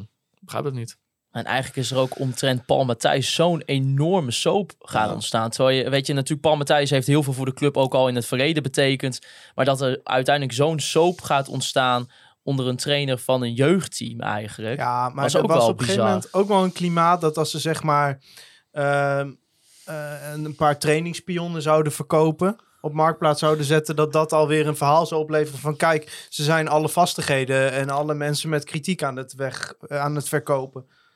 Want die pionnen die stonden er al twintig jaar. Hoe kun je dat nou verkopen? Dat was ook wel een beetje het klimaat wat ze overigens ontzettend zelf gecreëerd hebben. Of in ieder geval enorm in de hand geholpen hebben. Maar dat ja, Slecht op, gemanaged. op zou een gegeven moment eh, kom je in zo'n in zo'n eh, ja, narrative black hole terecht. Om er maar eens even een, eh, een media studies term tegenaan te gooien. Ja, je hebt toch drie jaar die bachelor gedaan. Ehm, dat op een gegeven moment is, is alles wordt in een bepaald hokje gezet. Terwijl ook de keuze om niet door te gaan met Paul Matthijs uiteindelijk prima te verantwoorden was. Ja. Maar je moet wel verantwoorden. En ook prima verantwoorden. Je moet niet met een zinnetje in een persstatement iemand die al jarenlang zijn ballen eraf werkt voor de club. Dat het op die manier doen. Ja, en wat ik soms een beetje het gevoel had bij eh Mark-Jan Flederis, is dat zeg maar een gesprek met een, iemand van de pers is, niet, is, ni- is geen voetbalwedstrijd. Nee, die hoef je niet te winnen altijd. Je hoeft niet Nee. per se eh, met een vliegende tackle op alles te reageren. En als je een keer iets fout doet, want hè, om met Danny Buis te spreken, ik maak ook fouten. Eh, Hey, maar dat is jouw waarheid, Ja. dat is niet de waarheid. Nee, maar eh, ik zeg echt niet, kom op, ik ga echt niet tegen de directeur van FC Groningen zeggen dat hij me even zijn foutjes toe moet geven. Maar ik bedoel meer van, eh, het, het hoeft allemaal niet zo krampachtig. Het, het is prima om een keer te zeggen, ja nee, dat is inderdaad niet handig. Dat, is, dat kan gewoon, dat maakt ni- niks uit. Dus ja, dat, dat, mis, dat miste ik dan een beetje. Maar goed, dat is ook misschien een ontwikkelpunt voor iemand die een directeur is. Ja, in de winter Ja. kwamen dan eh Megairo Bogarde en Emmanuel Matuta. Was het eigenlijk te weinig ook geweest, Reon, al voor die tweede seizoen zelf? Ja, dat was vooral onlogisch, vond ik eigenlijk. Tenminste, eh, dat ze voor het middenveld verdedigend daar iemand bijzochten. Dat was best wel logisch. En daarvoor leek het ook alsof ze een rechtsback en een linksback zouden halen. Nou, linksback, dat lost, zichzelf op met, met Bjorn natuurlijk. Alleen, eh, ja, het gekke met die zespositie was... eh Buis die gaf in, de, in december in die laatste speelronde van de eerste seizoen zelf aan... van ja, als er iets bij gaat komen, dan wil ik graag dat het gewoon, ja, gewoon gelijk pas klaar is. Dat ik het gelijk in kan zetten, een ervaren speler. En vervolgens komt Bogarde. En eh, vervolgens komt ook nog Matuta, waarvan ik bij Matuta denk dat je die eigenlijk moet zien als een aanwinst voor dit seizoen. Waarbij het voor hem prettig is meegenomen dat hij nu al een paar maandjes heeft kunnen wennen. investering, toch? Dat is inderdaad Dat is eigenlijk prima ja, te ja, dat is- verantwoorden. maar, maar, maar het gek is dat je nou, dan Bogarde haalt en dan eh, hoor je achteraf dat ja, Pelupessi toen eigenlijk ook al ja, vlak, voor, vlak, maar voor, daar is buis voor gaan liggen. ja, maar vlak voor het einde van de window. Maar dan denk ik van ja, waarom dan eerst eh Bogarde en ook, ook weer onsamenhangend, onlogisch. Want als je dat iets anders inplant, dan, dan, ja, dan kom je ook niet in de situatie uit dat, dat uiteindelijk de ervaren middenvelder niet komt omdat je al net een jonge middenvelder hebt gehad. Ja, maar het is ook wel tekenend. Kijk, nu elke aankoop die Flederis doet, wordt overlegd met Wormoed. Hmm. Denk jij dat Matuta en, en Bogarde dat het overleg werd met Buis? Nee, Nee, dat Nee. werd gewoon, dat moest Danny voor kennisgeving aannemen. Ja, maar en dat dat is in principe, ja. dat kan je werkwijze zijn als technisch nee directeur. dat, dat, kan, dat kan nooit je werkwijze Dat zijn. kan als niet je nee, werkwijze dat kan zijn als technisch Nee, directeur. dat, dat is, maar dat maar, is, dat maar is, dat dat- is wel de situatie die er was. Ja, En dan is het ook, kijk, Flederis was, was gefrustreerd dat Danny Buis voor Pelupessi ging liggen. Want die zei gewoon, ja, ik kan hem niet meer kwijt. Mm. Eh, je, je hebt me nu twee nieuwe verdedigende middenvelders. Ik weet niet waar ik ze op de Mm. training kwijt moet. Ik zou het niet doen. ja. Maar Flederis was ook degene die al Bogarde en Matuta haalde. Waarvan die wist Bogarde in principe een speler met kwaliteiten. Mm. Maar ook een vraagteken, want niet al ervaring, zeg maar. Niet een speler die bij Hoffenheim eh, wekelijks tegen de basis aan zit... en bij Hoffenheim 2 eh, elke week de beste speler op het veld is. Zeker een speler waarvan ik had gedacht... ik had hem nog wel een jaar willen zien... omdat je echt bij Vlagen wel ziet dat die, dat die gast echt kan voetballen. Ehm, maar ja, als je dan eh, als technisch directeur die twee spelers al haalt... daar moet Danny Buis al mee aan het werk. Die moeten op de training al een plek krijgen ja, dan moet je niet nog een verdedigende middenvelder halen en dan ineens het argument spelen, ja, maar je wilde toch ervaring? Nee, klopt. Maar die, Want dat is wel wat er is gebeurd. maar die verwijdering tussen Buis en Verderes, dat is gewoon echt een van Ja. de hoofdthema's Ja. van dit seizoen. En, als je, en ik, ik begon net mijn verhaal met, nou ja, toen dat gesprek in mei kennelijk, waarin Buis zei van, ja, ik weet niet of we wel verder moeten gaan. Maar dan kun je dit kun je erop plakken. Je kunt ja, de, de aankopen die op 31 augustus zijn gedaan, eh, kun je erop plakken. Alles kun je erop plakken. Maar als op een gegeven moment binnen een organisatie gewoon geen of nauwelijks communicatie meer is tussen twee essentiële schakels die samen moeten zorgen dat een voetbalclub succes heeft, ja, dan kun je wel ophouden. En dit is inderdaad, ja, dit is daar ook weer een voorbeeld in. Dat dat gaat natuurlijk gewoon helemaal nergens over. Ja, want dit is niet een werkwijze die je kunt hebben. Je kunt niet als TD zeggen, ja, hier aankoop, zoek het maar uit. Dat, dat Nee. kan niet.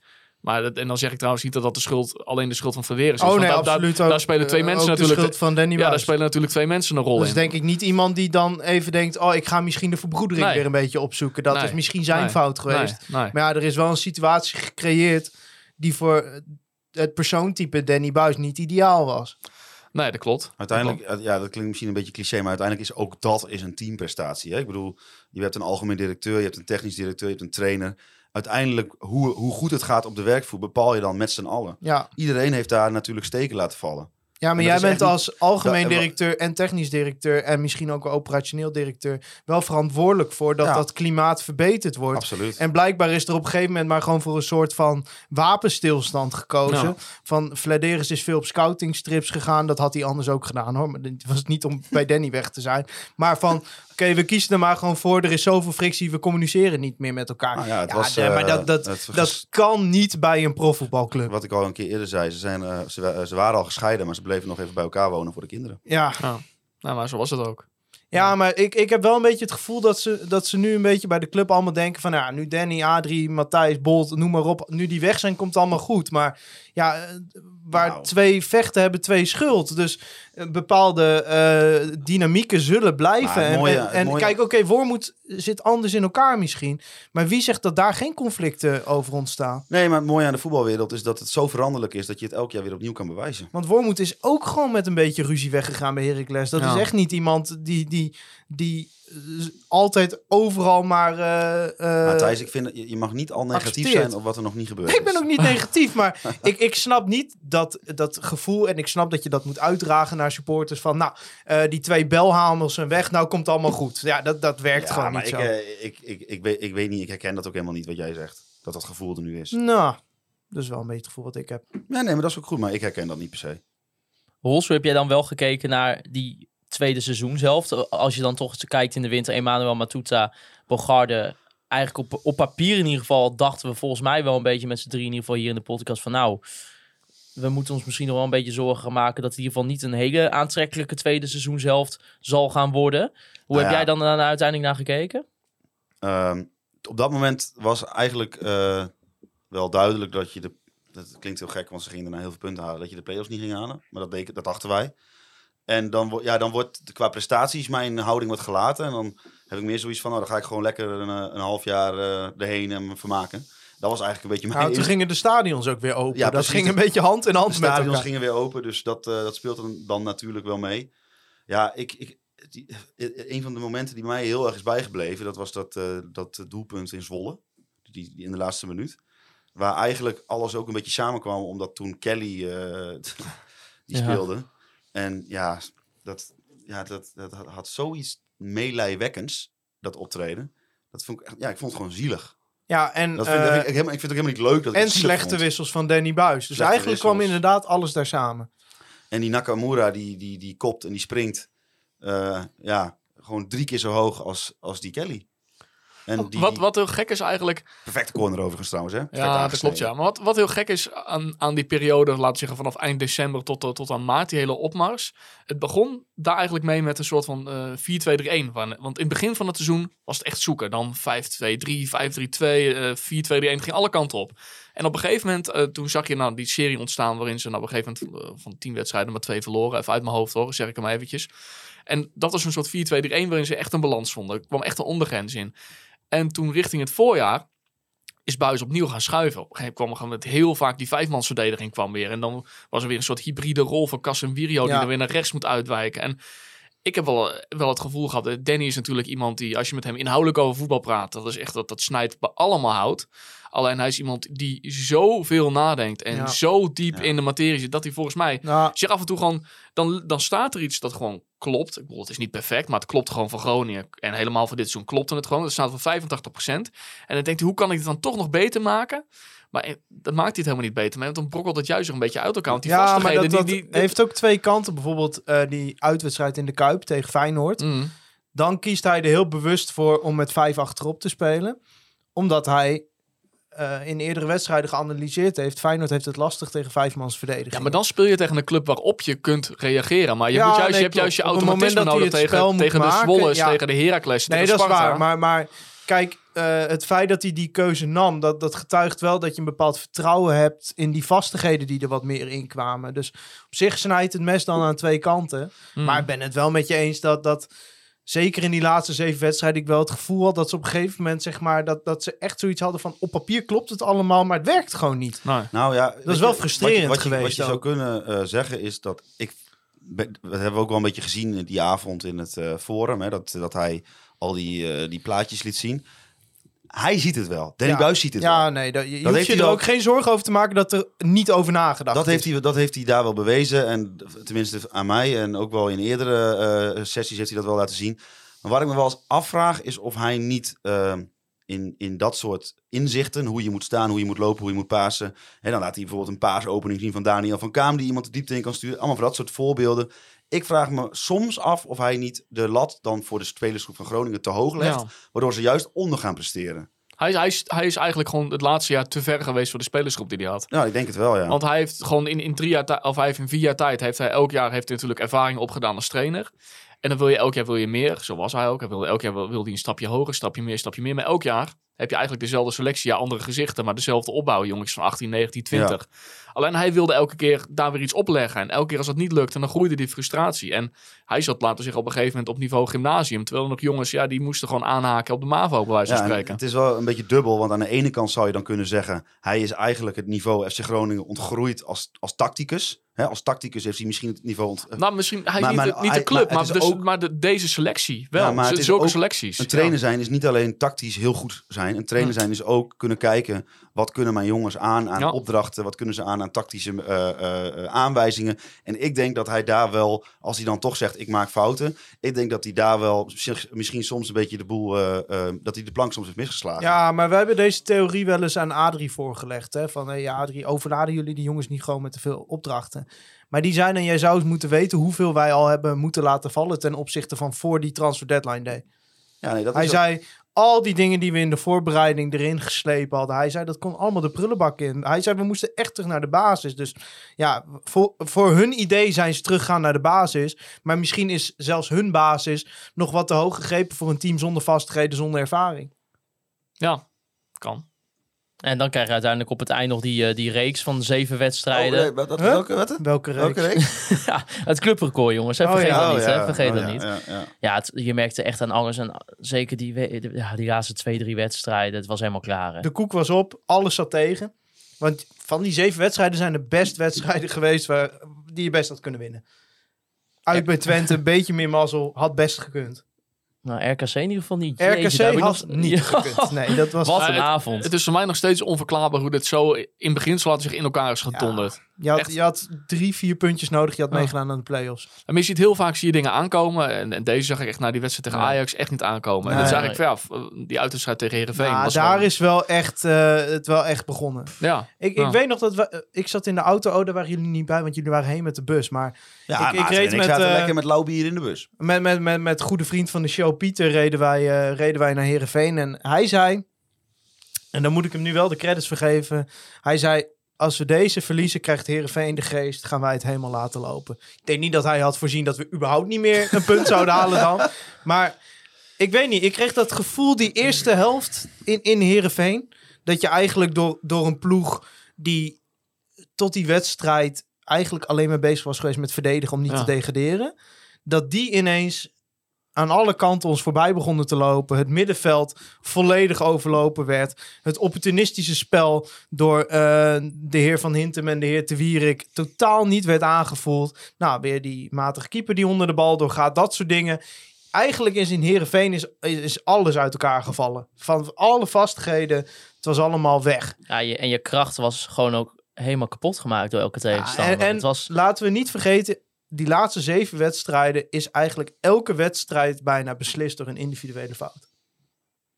Ja, ten negatieve van FC Groningen. Ja, dat bedoel ik. Maar, maar op, op Heracles na misschien, wat gewoon een wedstrijd is die we wel vaker hebben. Eh, Ook wel vaker tegen Heracles trouwens. Gewoon zo'n wedstrijd, gewoon een letterlijk kansloze wedstrijd van FC Groningen. Ja. Gewoon minuut 70 is schot op doel klaar. Maar bijvoorbeeld zo'n RKC uit, nou dat was, nou ja, dat, dat, dat was niet een individuele fout. Nou, die hele wedstrijd was een individuele Ja, fout en, van. en vervolgens niet de mentale eh, kracht om zeg maar na zo'n 1-0 jezelf op te richten en Nee. door te gaan met wel goed spelen. En ook niet, kijk, dat was tegen RKC het eerste Afgelopen jaren, we hebben, we hebben meer wedstrijden zoals uit bij RKC gehad. Namelijk eh, die, die 2-0 tegen Twente, die je heel snel tegenkreeg. Eh en, uit. vorig seizoen. Eh, nee, vorig seizoen heb ik het Oh, over. an- om het even te vergelijken Ja. met andere Danny Buis jaren. Eh, Twente thuis, heel snel 2-0 achter vorig seizoen. Eh, RKC uit twee seizoenen geleden 2-0 achter. Kom je nog bijna terug.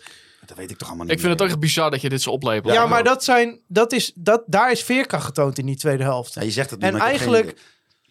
Vaste luisteraars weten waar ik ik, volg het je over heb. Ja, jij volgt Ja, mij wel. ja? Ja, maar jij bent ook gewoon een loop, lopende FC Groningen encyclopedie. Ja, mensen onderschatten dat bij Maarten wel eens, maar die lepelt dat allemaal zo op. Maar wat er na die 3-1 een paar weken geleden in dat Mandenmakerstadion gebeuren, gebeurde. Die 3-1, Stan Larsen scoort, 60ste minuut zou je zeggen. Half uur lang volle bak. Daarna één keer op doel geschoten, kopballetje van Engonga. Dat is typerend. Dat is een, een, een Danny Buis team van andere jaren had misschien die 3-3 nog wel gemaakt. Het zat er niet in. Nee. Het zat Na- in de laatste zeven Ajax- wedstrijden heeft er niet in gezeten. Na Ajax zat het er niet meer in. Tegen Ajax nog wel. Ja, ja, de eerste helft wel. Maar ja, ook, twee, dan twee individuele fouten. hè? individuele fouten. Twee keer dankelui. Ja, Welke wedstrijd was het eh, dieptepunt, denk je, Reon? Als je kijkt over het algehele seizoen. Ja, Kan er wel... Sparta uit was wel echt heel erg beroerd. Maar ik vond eigenlijk Heerenveen uit. Nou ja, we ja hebben het net ik eigenlijk al benoemd. noemen. Omdat, juist omdat het totaal niet logisch was in de fase waarin je leek te zitten. eh, ging er in één keer zo ontiegelijk veel verkeerd. Ja, en, en da- van daaruit inderdaad is de hele boel zijn kaarthuis in elkaar gedonderd. Ja, ik, ik weet ook, NEC uit was ook erg. Ja. RKC uit inderdaad. Ja. Ja, dat heeft Danny Buis trouwens vorige week of twee weken geleden nog uitgelegd hoe dat ging. Hij is toen na de rust één op één gaan spelen en hij zei, had ik nooit moeten doen. Want daarna zijn ze aan alle kanten voorbij gelopen. Ik, ik, dat, Want hij maakt ook fouten, hè, Danny Ja. Buis, Ja. zegt hij dan altijd. Nee, maar Thijs, ik weet nog, dan, weet je, dan zit je terug in de, in de auto van Waalwijk, weet je wel. En dan op een gegeven Ja. moment en dan rij je over zo'n snelweg heen. En dan denk je toch ook wel op een gegeven moment van, jezus. En dan, en dan was je ook al, was je ook al, weet je, bij, had je dat ook al in Heerenveen gehad inderdaad, ja. Waar we Nou, ook al zo stonden. Omcirkel maar in de agenda voor volgend jaar, want dit is van alle jaren. jemig. Excelsior uit, Geweldig. Ja. Excelsior uit gaat het weer fout. Ja, Excelsior uit wordt zo'n uitwedstrijd. nee, nee, Excelsior gaat weer legendarisch worden. Jannik Pol, Matteo Cachera, het gaat terugkomen in een andere vorm. Ja, dit is heel veel ik, ben geleden. zo, ik ben zo Dit blij dat die nog wel. wedstrijd Dat is zo lang is. geleden, toen was Adrie Poldervaart nog hoofdtrainer van Excelsior. Ja, Fysiotherapeut misschien wel. nou, elke, keer als we Beide, dubbelfunctie. elke keer als we Adrie zien, dan moeten we hem toch ook wel even refereren naar die wedstrijd eh, met Jannik Pol en Matteo Cachera. Ja. Ja, ja, geweldig. Ja, jongens, eh, eh, laten we even van de dieptepunten naar de hoogtepunten gaan. Hos, we gaan naar het Online Retail Company moment van het seizoen. Het Online Retail Company moment van de week.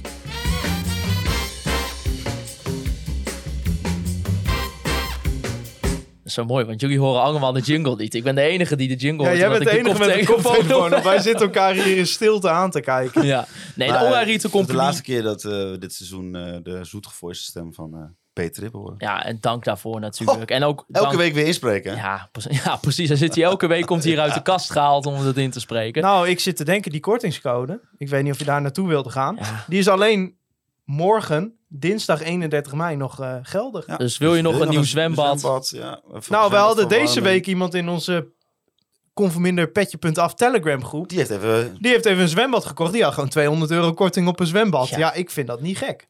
Nee, nee. Heb jij al een zwembad thuis? Nee, nee, ik wil wel een vijver. Hebben ze, ook, eh, hebben ze daar ook dingen voor Ze hebben wel dingen voor in de vijver. Voor in de vijver. Ja, Hij is nog net iets te vroeg. Als ze die actie, als ze 15% die actie nou verlengen tot volgend jaar, voorjaar, dan is het misschien... ik zal eh, het eh, aan Lennart eh, voorleggen.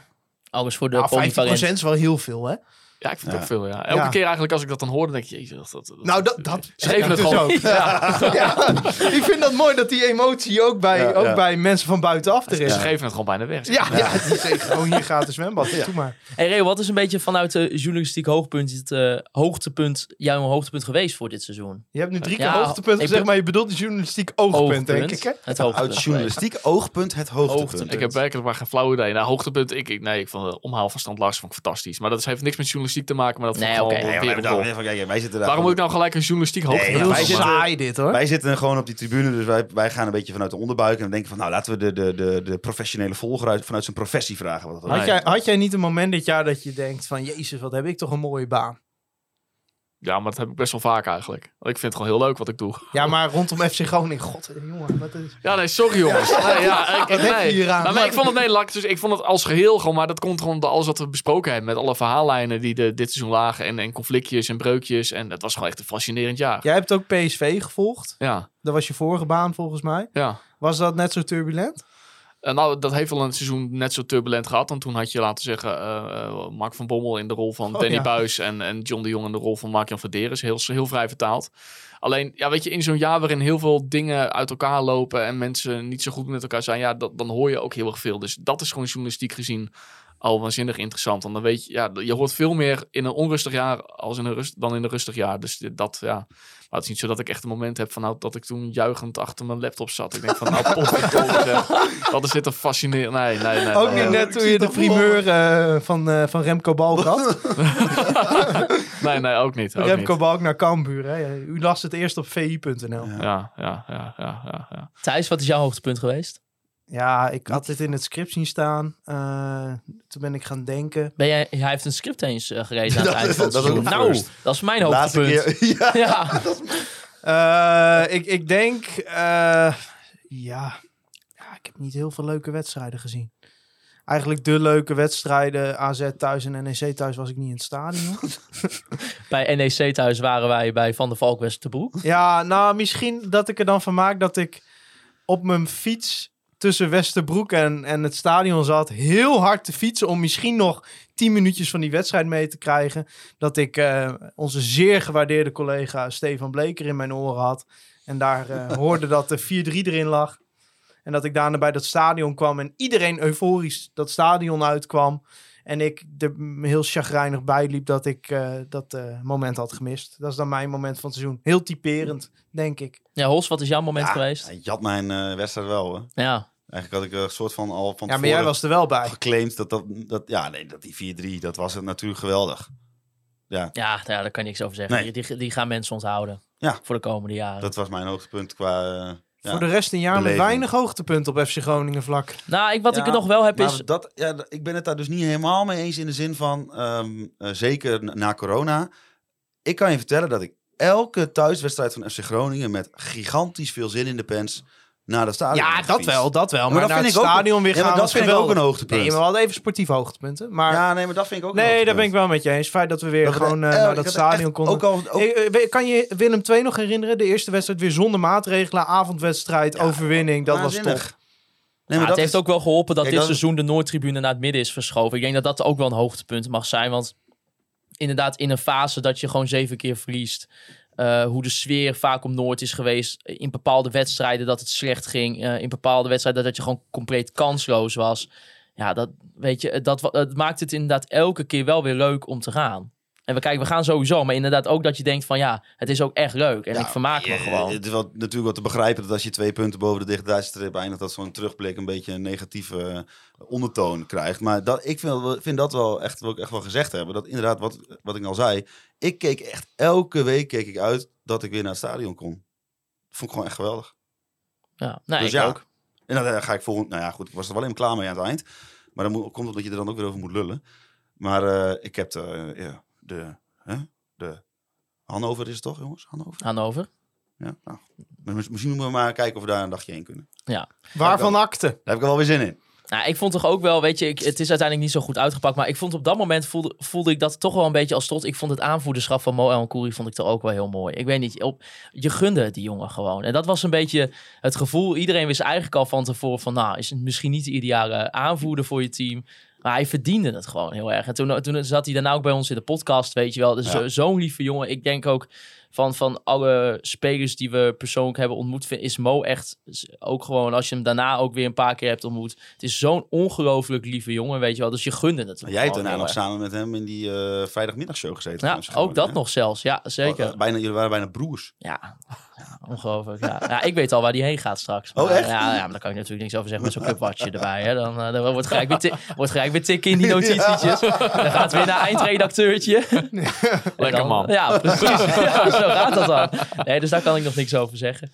Nee, ja, dus dat. eh, en ja, wat Ja, ik zei... en misschien een hoogtepunt. Ja, is, eh, ik, ik, ik claim wel heel veel. Ja, ja, misschien dat er wel een doelpunt van FC Groningen gaat genomineerd worden voor de Poeskas Award. Dat zou toch ook wel zijn, hè? Ja, dat zou wel tof zijn. Dat kan echt. Ja, ik denk dat, ik denk dat zelfs Ja, dat ik die had kans liever de hebben. is- play-offs gehaald in Ik heb- principe dan eh, zo'n Poeskas Award. Ja, Dat, eh, ja, dat maakt mij allemaal alles in het negatieve. hè? Ik vind het toch wel fantastisch. Je hebt gewoon 36 punten, bijna gedegradeerd. En jullie hebben al een kwartier over hoogtepunten. Ja, maar Gaat het ja. wel goed met jullie, jongens? En dit is weer die zure journalistieke eh, blik erop, hè? Ah, fantastisch. Zo'n clubwatcher die dan maar drie clubjes volgt en denkt, ik, ik kom het hier wel even vertellen, hoor. Maar eh, trouwens, hoe hebben jullie... Want het was natuurlijk ook wel het jubileumjaar. Oh ja. Ja. Heeft FC Groningen daar uiteindelijk het maximale uit kunnen halen? Oh, sorry. nou ja, begin ik, meteen. nee, nee, niet over resultaten. Ik bedoel even de buiten. Oh. Had je, heb je nog iets gemist dat je denkt, oké, ik miste wel Nou, misschien hadden ze die interviewtjes met oud-spelers niet drie kwartier voor de wedstrijd moeten doen. Daarom moest ik lachen. Ja. Ja, dat- Ja, hebben ze daar het maximale uitgehaald? Ik, ja, eh, nou, ze brachten een derde shirt uit, speciale editie, stond oude logo op. Nou, oké, misschien was het hoogtepunt van dit seizoen wel de prachtige uitshirts. Ja, sowieso. Op die manier hebben ze wel eer gedaan aan het jubileumjaar. grote, ja, ma- voor hey, de grote marktje was ook lekker. grote markt was geweldig, maar dat had de club niet verzonnen. Nee, klopt. Dus ja, de club eh, heeft het wel een beetje eh, eh, ja, laten liggen om dat genoeg te benadrukken, denk ik. Ja, maar denk aan je? de andere kant zo Maar wat, ja, wat het had, ja, maar wat hadden ze dan nog meer Dat is toen wat doen, corona toen nog best wel lastig Ja, allemaal, hè? precies. Ja, maar wat ik zeg, die interviews hadden niet drie kwartier voor de wedstrijd goed. Nee, oké, maar ik, je kon niet echt een leuk evenement Nee, organiseren. Weet je, of een soort All-Stars nou, wedstrijd, dat soort volgende dingen. Dat- week, eh, of eh 14 juni, nog een seizoensafsluiting. 15 15, juni. Nog een seizoensafsluiting en zo. Met, Maar waarom, met, eh, waar- met Worm moeten fladeren. Waarom dat niet? is wel eh, mooi. ik, volgens mij wordt dat veld nu, eh, wordt nu aangepakt. Daar had je toch nog even lekker een paar van die praten kunnen neerleggen. Podiumpje erbij, artiestjes en eh zuip in Eurenborg. Ja, dat is nog altijd een, Nou, had horeca, dat jij nou, horeca, horeca had er niet aangekund trouwens, denk ik. Nee, nee. De tapdruk had het niet aan. Nee, Nee. dat moeten we misschien maar niet doen. Nou, een ik feest heb- ik wil- organiseren ik wil ik- waar ja, ook horeca ik bij wil een keer aan het is. einde van het seizoen gewoon, weet ik, gewoon op het veld, in het stadion, donker, wil ik gewoon een heel groot feest Ja, en dan via Ja, Buze met beste, eh beste maar weer. Dan, Nou, dan is mijn seizoen compleet. Dan, ja, dat, dat, dat, eh, dat Ja. had eh, misschien nog gekund. Maar dan zullen ze waarschijnlijk om, om goede redenen niet hebben gedaan. Een favoriete wedstrijd? Tja, nou ja, weet Ja, je, NEC Maarten, natuurlijk. Wij houden, wel- NEC. wij houden ook wel een beetje van de shitshow, hè? van de Ja. shithouse. Vitesse thuis. Ja, Vitesse thuis was geweldig. Helmond Sport thuis was ook een hoogtepunt. Dat is de Dat enige... mag je eigenlijk niet vinden, want er werd eh, natuurlijk iets op het Maakt hoofd. mij echt helemaal niks uit, Er joh. werd iets op het hoofd van de keeper gegooid.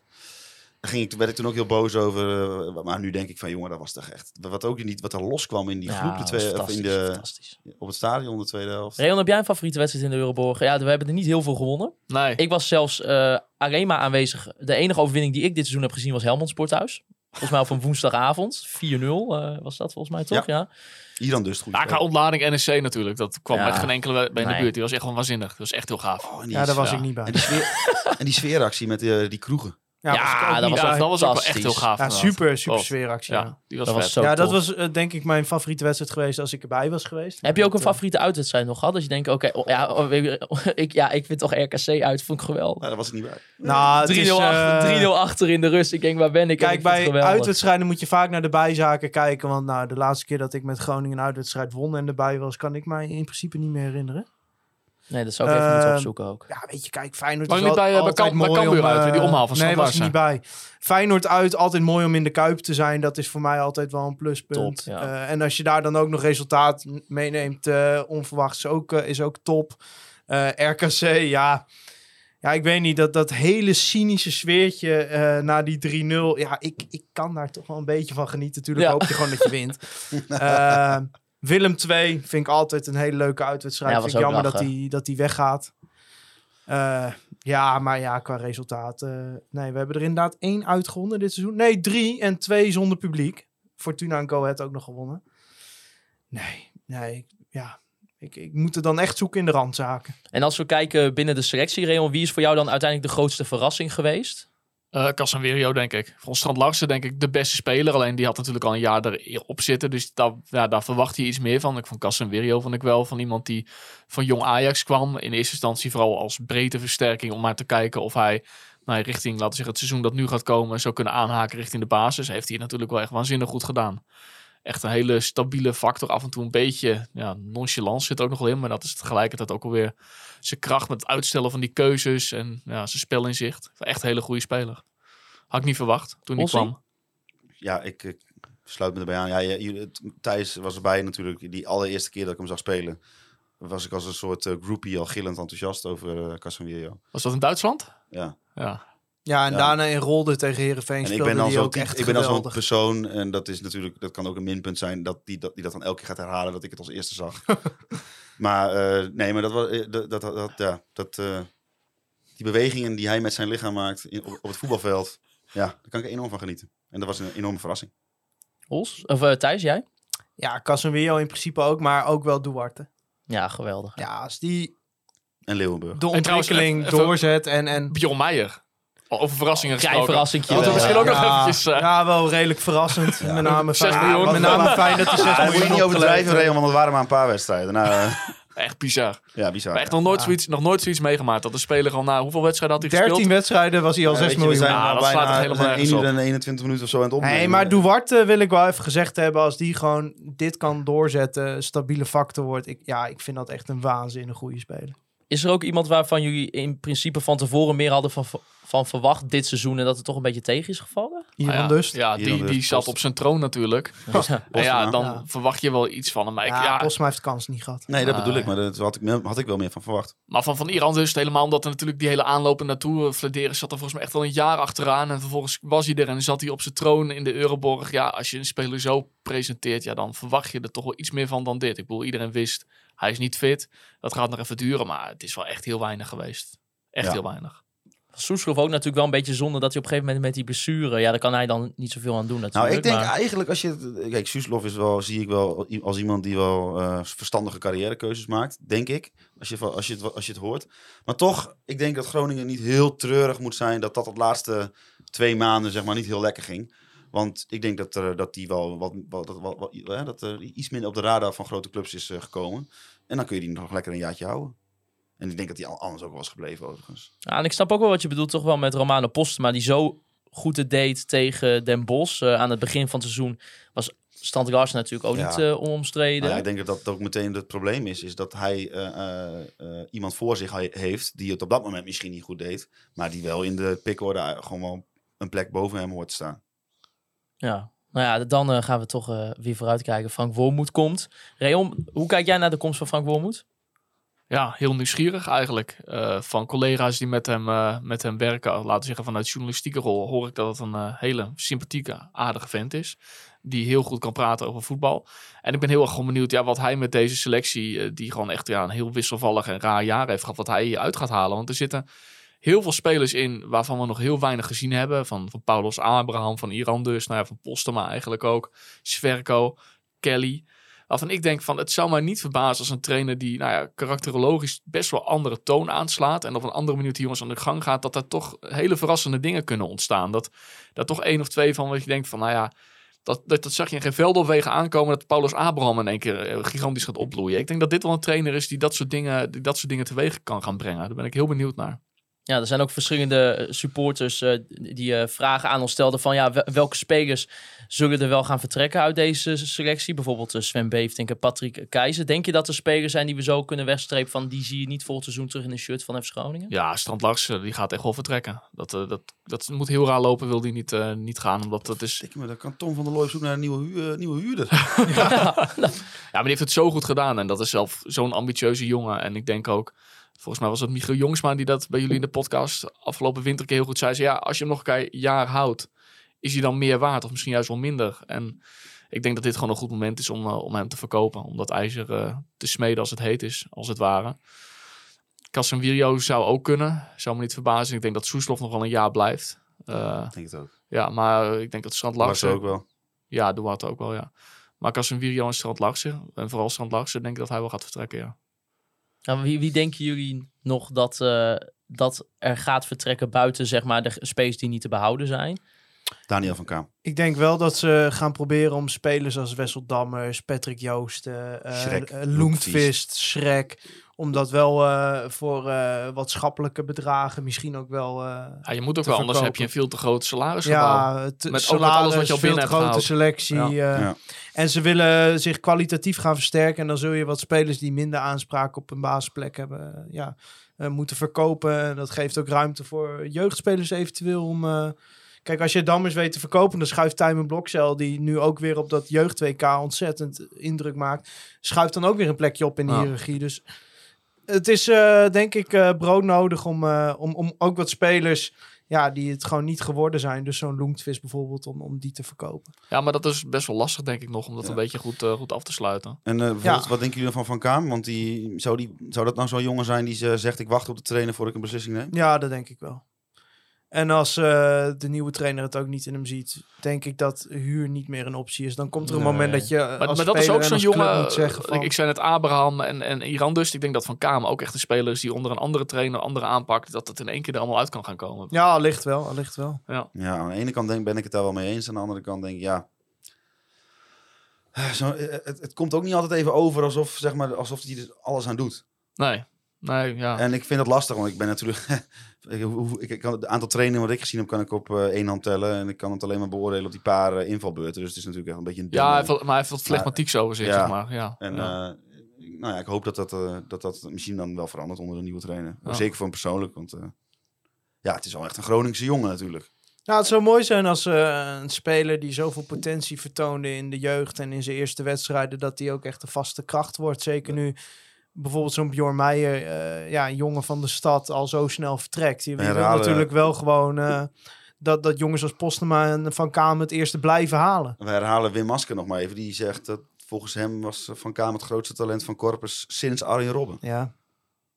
Ja. Ja. Wim heeft wat dat betreft wel eh, een redelijke referentiekader, wat hij allemaal voorbij heeft zien komen. Ja. Dat dacht ik, ja. Ja. Maar goed, laten we gewoon hopen dat eh, dat, dat een eh, soort van eh, puzzelstukje is die dan op zijn plek valt. Maar ik, ja, ik kan me ook voorstellen dat hij denkt van... eh, ik ga het eh, bij een andere eredivisieclub zoeken. Ja. ja, klopt. Ja, en dat snap ik ook. Nou, ik ben ook wel toch benieuwd nu Heracles Almelo is gedegradeerd. Siem van der K die vroeger ook eh naar of, of Wormoed nog spelers van Heracles gaat halen. Hij zei zelf in een interview dat hij daar niet echt zo van is eh, om, om spelers van zijn vorige club mee te nemen. Maar ja, de situatie verandert natuurlijk Beetje, wel raar, een beetje beetje. raar antwoord eigenlijk. hè, Ik want- liep eh, zaterdag, afgelopen zaterdag, vorige week zaterdag eh, was ik bij Heracles Excelsior. En ik liep daar eh, onderweg naar de wc in die businessclub. En eh, wie kom ik daar tegen? Onze Oh. hoofdscouting. Oh, Computerbollenboos. Ja, computerbollenboos kom ik daar tegen. Mike de Wierik liep er ook, maar ja, die zal er niet zijn om te scouten. Nee. Dat Ja, was alleen- die zoekt- misschien nog een nieuwe club. Dat was alleen onder Ron Jans, dat hij ook zich bemoeide met aankopen. Maar, Maar maar, mag je niet tegen Ron Jans Nee. zeggen, hè? Dat Nee. mag je niet tegen Ron en, Jans maar zeggen. Wes Beuvink, eh, ja, die liep daar. Voor, voor wie zou dat zijn dan, denk je? Ja, weet ik niet. Ja, ze hebben een aantal spelers bij Heracles waar je, wat wel, waar Ik- je wel ik- wat ik, mee zou kan. hem alleen eh Qualiaten kunnen voorstellen. Ja, de de Latoren. Latour is veel te duur, denk ik. Dus, Ja, maar je hebt ook al zoveel middenvelders. Als je Ja. kijkt met, Ja. met Pelu Pessi er alweer bij. En Ja. het, het, het- het is zo ramvol dat Nee, middenveld. eigenlijk alleen Caliata kan ik me voorstellen. Ja.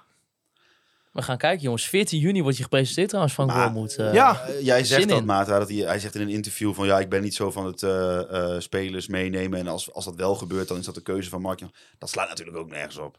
Nee. Maar Maar joh, als het puntje bij paaltje komt... natuurlijk aan, Ja. heeft natuurlijk aan Wormoed gevraagd van joh, eh, moeten we er niet eentje Ja, meenemen? en zeker nu die spelers allemaal minder waard worden als puntje bij paaltje eh, komt, eh, onzin. doe je Daar dat geloof ik echt natuurlijk. helemaal niks van. En zo'n Caliata is best een leuke optie En ik geloof, ik, snap het ook prima als er niemand doen, maar ik kan me niet voorstellen dat het nooit te sprake is gekomen. nee, precies. Dat, is een beetje, dat lijkt mij nou een beetje een olifant in de kamer. We gaan het zien, jongens. Het worden spannende tijden bij FC Groningen. Nieuwe trainer. Ja, het moet wel echt gaan gebeuren deze transferzomer. Ja, heb je dat Ja, er moeten dingen gaan gebeuren. Oh, de druk wordt opgevoed. Nou, nee, serieus. Ja, we kunnen niet nog zo'n seizoen spelen. Dit is prima transitiejaar, financieel de boel op orde gebracht. Maar nou is het ook tijd om een keer te gaan oogsten. Ben je dat met eh, Thijs eens, Reon? Ja, wat moet er dan gebeuren? Die selectie is al ramvol. Ik, ik zie alleen nog plek eigenlijk voor een rechtsback en linksback. En voor de rest heb je ongeveer 36 spelers. Linksback, rechtsback, paar spelers verkopen. eh, Keepertje misschien. Een betere aanvaller, een betere keeper. Ja, Er, ja. moet, er moet gewoon nog aanvallend iets bij. Echt iets wat er structureel staat. Ja, en, en natuurlijk de spelers die vertrekken moeten goed vervangen worden. En niet weer met eh, spelers uit Zweden, uit de onder 21 van Djurgården. Zeg Die maar. overigens in de belangstelling staat van de grote Scandinavische Dat moet gewoon kwaliteit zijn deze zomer. Je kunt niet meer... Kijk, Orel Mangoen en Pelupessi zijn twee veelbelovende stappen, vind ik. Dat zijn de soort spelers die we een jaar of twee jaar geleden niet hadden kunnen halen. Ja, Dus, maar het is, eh, het is nog steeds geen bovenkant, vind ik. Nee, maar, misschien wel, Orad maar groen is gewoon ja, wel basis, maar geen bovenkant nee, basis. maar dat is wel, zeg maar, als je die haalt voor de breedte, is die beter dan de breedte spelers die je nu hebt. dat is wel waar. Dus als dat eh, de selectieopbouw wordt, ja, het, het wordt echt een, een zomer van verkopen, verkopen, verkopen en kijken wat je kunt kopen. Ja, misschien Maar dat er op de beide backposities iets moet komen, dat Wat staat wel vast. overigens ook nog bij moet komen is een assistent trainer. Ja, nou ja, dat, dat zoeken ze maar uit. Dat Ja. komt wel goed. Dat zijn eh, de dingen waar ik persoonlijk niet zo wakker van Nee. We ben. weten nog niet. Hij wordt over twee weken gepresenteerd, Frank Wormoed. Eh, Ja. Misschien is er ruimte ook om een assistent te presenteren. Nou, maar, misschien eh, wel, ja. we gaan het zien. Volgens eh, leren zijn ze ermee bezig. Nou ja, dat is ook een raar antwoord als zou zijn als hij zegt nee, daar zijn we niet mee bezig. Ja. Nee. Nee joh, hij doet het maar met Alphas Harts. Eh, voor de rest geen assistenten. Nee, nee jongens, het worden wel spannende tijden. Maar ook voor ons natuurlijk eh, als podcast gaan we voor het eerst met een andere trainer. Ja, die gaan, we gaan een andere trainer zien dan Danny Buis. Ja. Dus eh, ik ben benieuwd. Ja, het wordt een tijdpack voor en een tijdpack na Danny Buis. Ja, we gaan het, eh, we gaan het meemaken. Eh Reon, ik wil jou bedanken voor de komst naar onze studio hier in Groningen-Zuid. Graag gedaan. Wil je onder terug eh, straks naar Jarrière-rand? ja. waar, waar, Maar ik, ik heb begrepen dat jullie de volgende keer als ik in de podcast kom, dat jullie naar mij toe komen. Ja, want Ja. er is een speciaal biercafé. eh Waar moesten we ook weer heen dan? Ik woon, in- ik woon in Oenkerk. Op zijn Fries heet het want Oh ja, Ja, en die ja, ligt ergens ja, bij ja. Leeuwarden, toch? Maar dan kom je nog maar gewoon bij mij in de woonkamer zitten, dat is prima. Ah, jij zegt dat jij een gigantische woonkamer hebt, dus eh, ja, dan kun je ongeveer, eerst kun, je- kun het, je eh, over in zaal voetballen, ja. Ja, moeten eerst wel het geluid eh, kwa- Ja, ja. eh, Ja, dan neem je van die, eier, van die eierdozen mee, spaar ik dan een paar maanden op en dan pak je die tegen de muur aan. Binnengekomen bij VI in de gouden tijden hoor ik al. Ja, was het maar zo. We gaan, het, eh, we gaan het zien, jongens, komend seizoen. Eh, wanneer wij eh, terug zijn met de reguliere seizoen, ja, dat, eh, dat is nog altijd even afwachten. Dat, dat, dat, dat, dat hu- verhullen wij in nevelen. Ja, dat, dat komt vanzelf wel. Er zijn wel wat plannetjes Ja. eh, Ik gaande. heb mij ook eh, met kwartaal ook mee ontwikkeld. eh. Potverdorie, man. ja. Ja. Ik wil stiekem ook wel even, Oh, sorry, maar dan moet ik nog even Richard van Elzakker even mailen of wij bij de presentatie van Frank Woon moeten kunnen zijn. Lijkt me wel even leuk om daar een extra podcastje op te nemen. in ieder Eindthema. geval. Eindthema, ja. thema. Ben jij daar ook? Tuurlijk. Ah, gezellig. Dan gaan we eens even aan Frank Wormoed zelf vragen of het 14 eindthema was. Oh, ja. Daar heb ik nu al zin in. Ik ben benieuwd of hij dat ook weet, dat dat een beetje leeft, dat eindthema, eindthema. Ik kan me niet voorstellen dat hij dat weet. Nee, maar anders gaan we het hem aanpraten. Dat, eh, dat komt wel goed. Eh, volgende week dus nog een nieuwe De Maand met Masker, waarin wij eh, de laatste Eredivisie maand gaan bespreken. En anders Met geven we Frank Masker. moet gewoon een eierbal, weet je. Dat doet eh Nee, nee, dat lokale doen. journalistiek altijd, toch? Nee, nee, de regionale Oh, de journalistiek. regionale journalistiek Ja. is het altijd, ja. Dat gaat Bij Stefan. oog hebben wij daar geen budget voor. Nee, nee we gaan, ga jij voor oog heen trouwens? Nou, nee, nu is het echt best wel een goed idee. Maar er wordt echt gewoon een, eh, een, eh, Ja, een, mooie rendezvous daar eh, Ja. op die Nou perspresentatie. ja, dat is Frans en dan komt de Duitse trainer. Dus eh, dat is een uh, Wieder, Wieder Seen of zo. Ik spreek überhaupt mijn woord Ja. uit, joh. Ga jij Nee, maar woord is dat? ik denk dat ik daar wel even heen ga. Ja. Dat is... ja, maar je moet nooit een grap uitleggen. Oké. Ik denk dat de mensen die Herman Vinkers kennen hem al gesnapt Oh, nee, hebben. sorry. Nou, Ik, we, ik zal hem je na de opname maar. uitleggen. Dan kan Maarten Siepel de podcast gewoon afmaken. nee, we zullen er in de zomer wel weer zijn. Dat, eh, dat komt wel goed. Eh, het is het nodig, is eh, wel gepland. Dus hou onze Helaas kanalen geen, in geen de gaten. camping waar we heen kunnen. Nee, geen FC Groningen camping in het seizoen. Nee, Heb we- jij nou een camping en wil je dat wij daarop komen staan? Ja, ja, ja het, is, het, is, het is een voetbalpodcast, maar dat was misschien een van mijn aller- allerfavorietste podcasts. Ja, even, even ergens pezen in de provincie. Ja, dat vind ik zo leuk. Ja, sorry. Ja. We, we, we zijn al aan het kijken naar Balsinghausen. Wat is dat? Oh, Barsinghausen. Daar, wordt, eh, daar is trainingskamp. Oh, is er nog plek in dat hotel? Dus de buurt van Hannover. Nee, we gaan niet in dat Barsinghausen zitten. Nee, als we ergens heen gaan, gaan we naar Hannover. Nou, eh, we gaan het zien, jongens, de, Ja, de dit komende is weer- maanden waar we allemaal eh, weer zullen gaan belanden. Jullie kunnen Conforminder de podcast volgen via Spotify, Apple Podcast en Google Podcast. Raad ook nog even een review en achter. Podimo. En po- zelfs op Podimo, ja, niet exclusief Ah, als je via Podimo luistert, krijgen we ook geld. Ja, dat krijgen we van Spotify niet. Heb, heb, heb je daar al een eerste... Factuur van 2 cent. Vanochtend nog gecheckt. De balance staat nog op 0 euro. Oh, Oké. dus Ja. niemand luistert ons via Podimo. Eh, ik zag 17 listeners. Oh. Maar daar hou je dan weinig aan over, Zo. blijkbaar. Ja.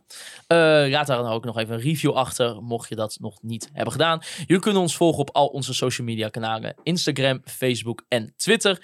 Ik wil natuurlijk ook Andy Zuidema bedanken voor de foto's die wij dit seizoen hebben mogen gebruiken voor Conform in de En podcast. wallenfoto's, hè. Onze grote vrienden van de Retail Company en B-Trip voor de Retail Company moment van de week. Natuurlijk ook onze Petje.affers voor de steun van het afgelopen seizoen. Top, dankjewel. Uh, met dus volgende week nog een nieuwe De Maat met Masker. Free Westroff en Mark Pepping voor de intro en outro muziek. En als laatste wil ik jullie bedanken voor het luisteren van dit seizoen van Conforminder, de podcast. Als FC Groningen weer scoort.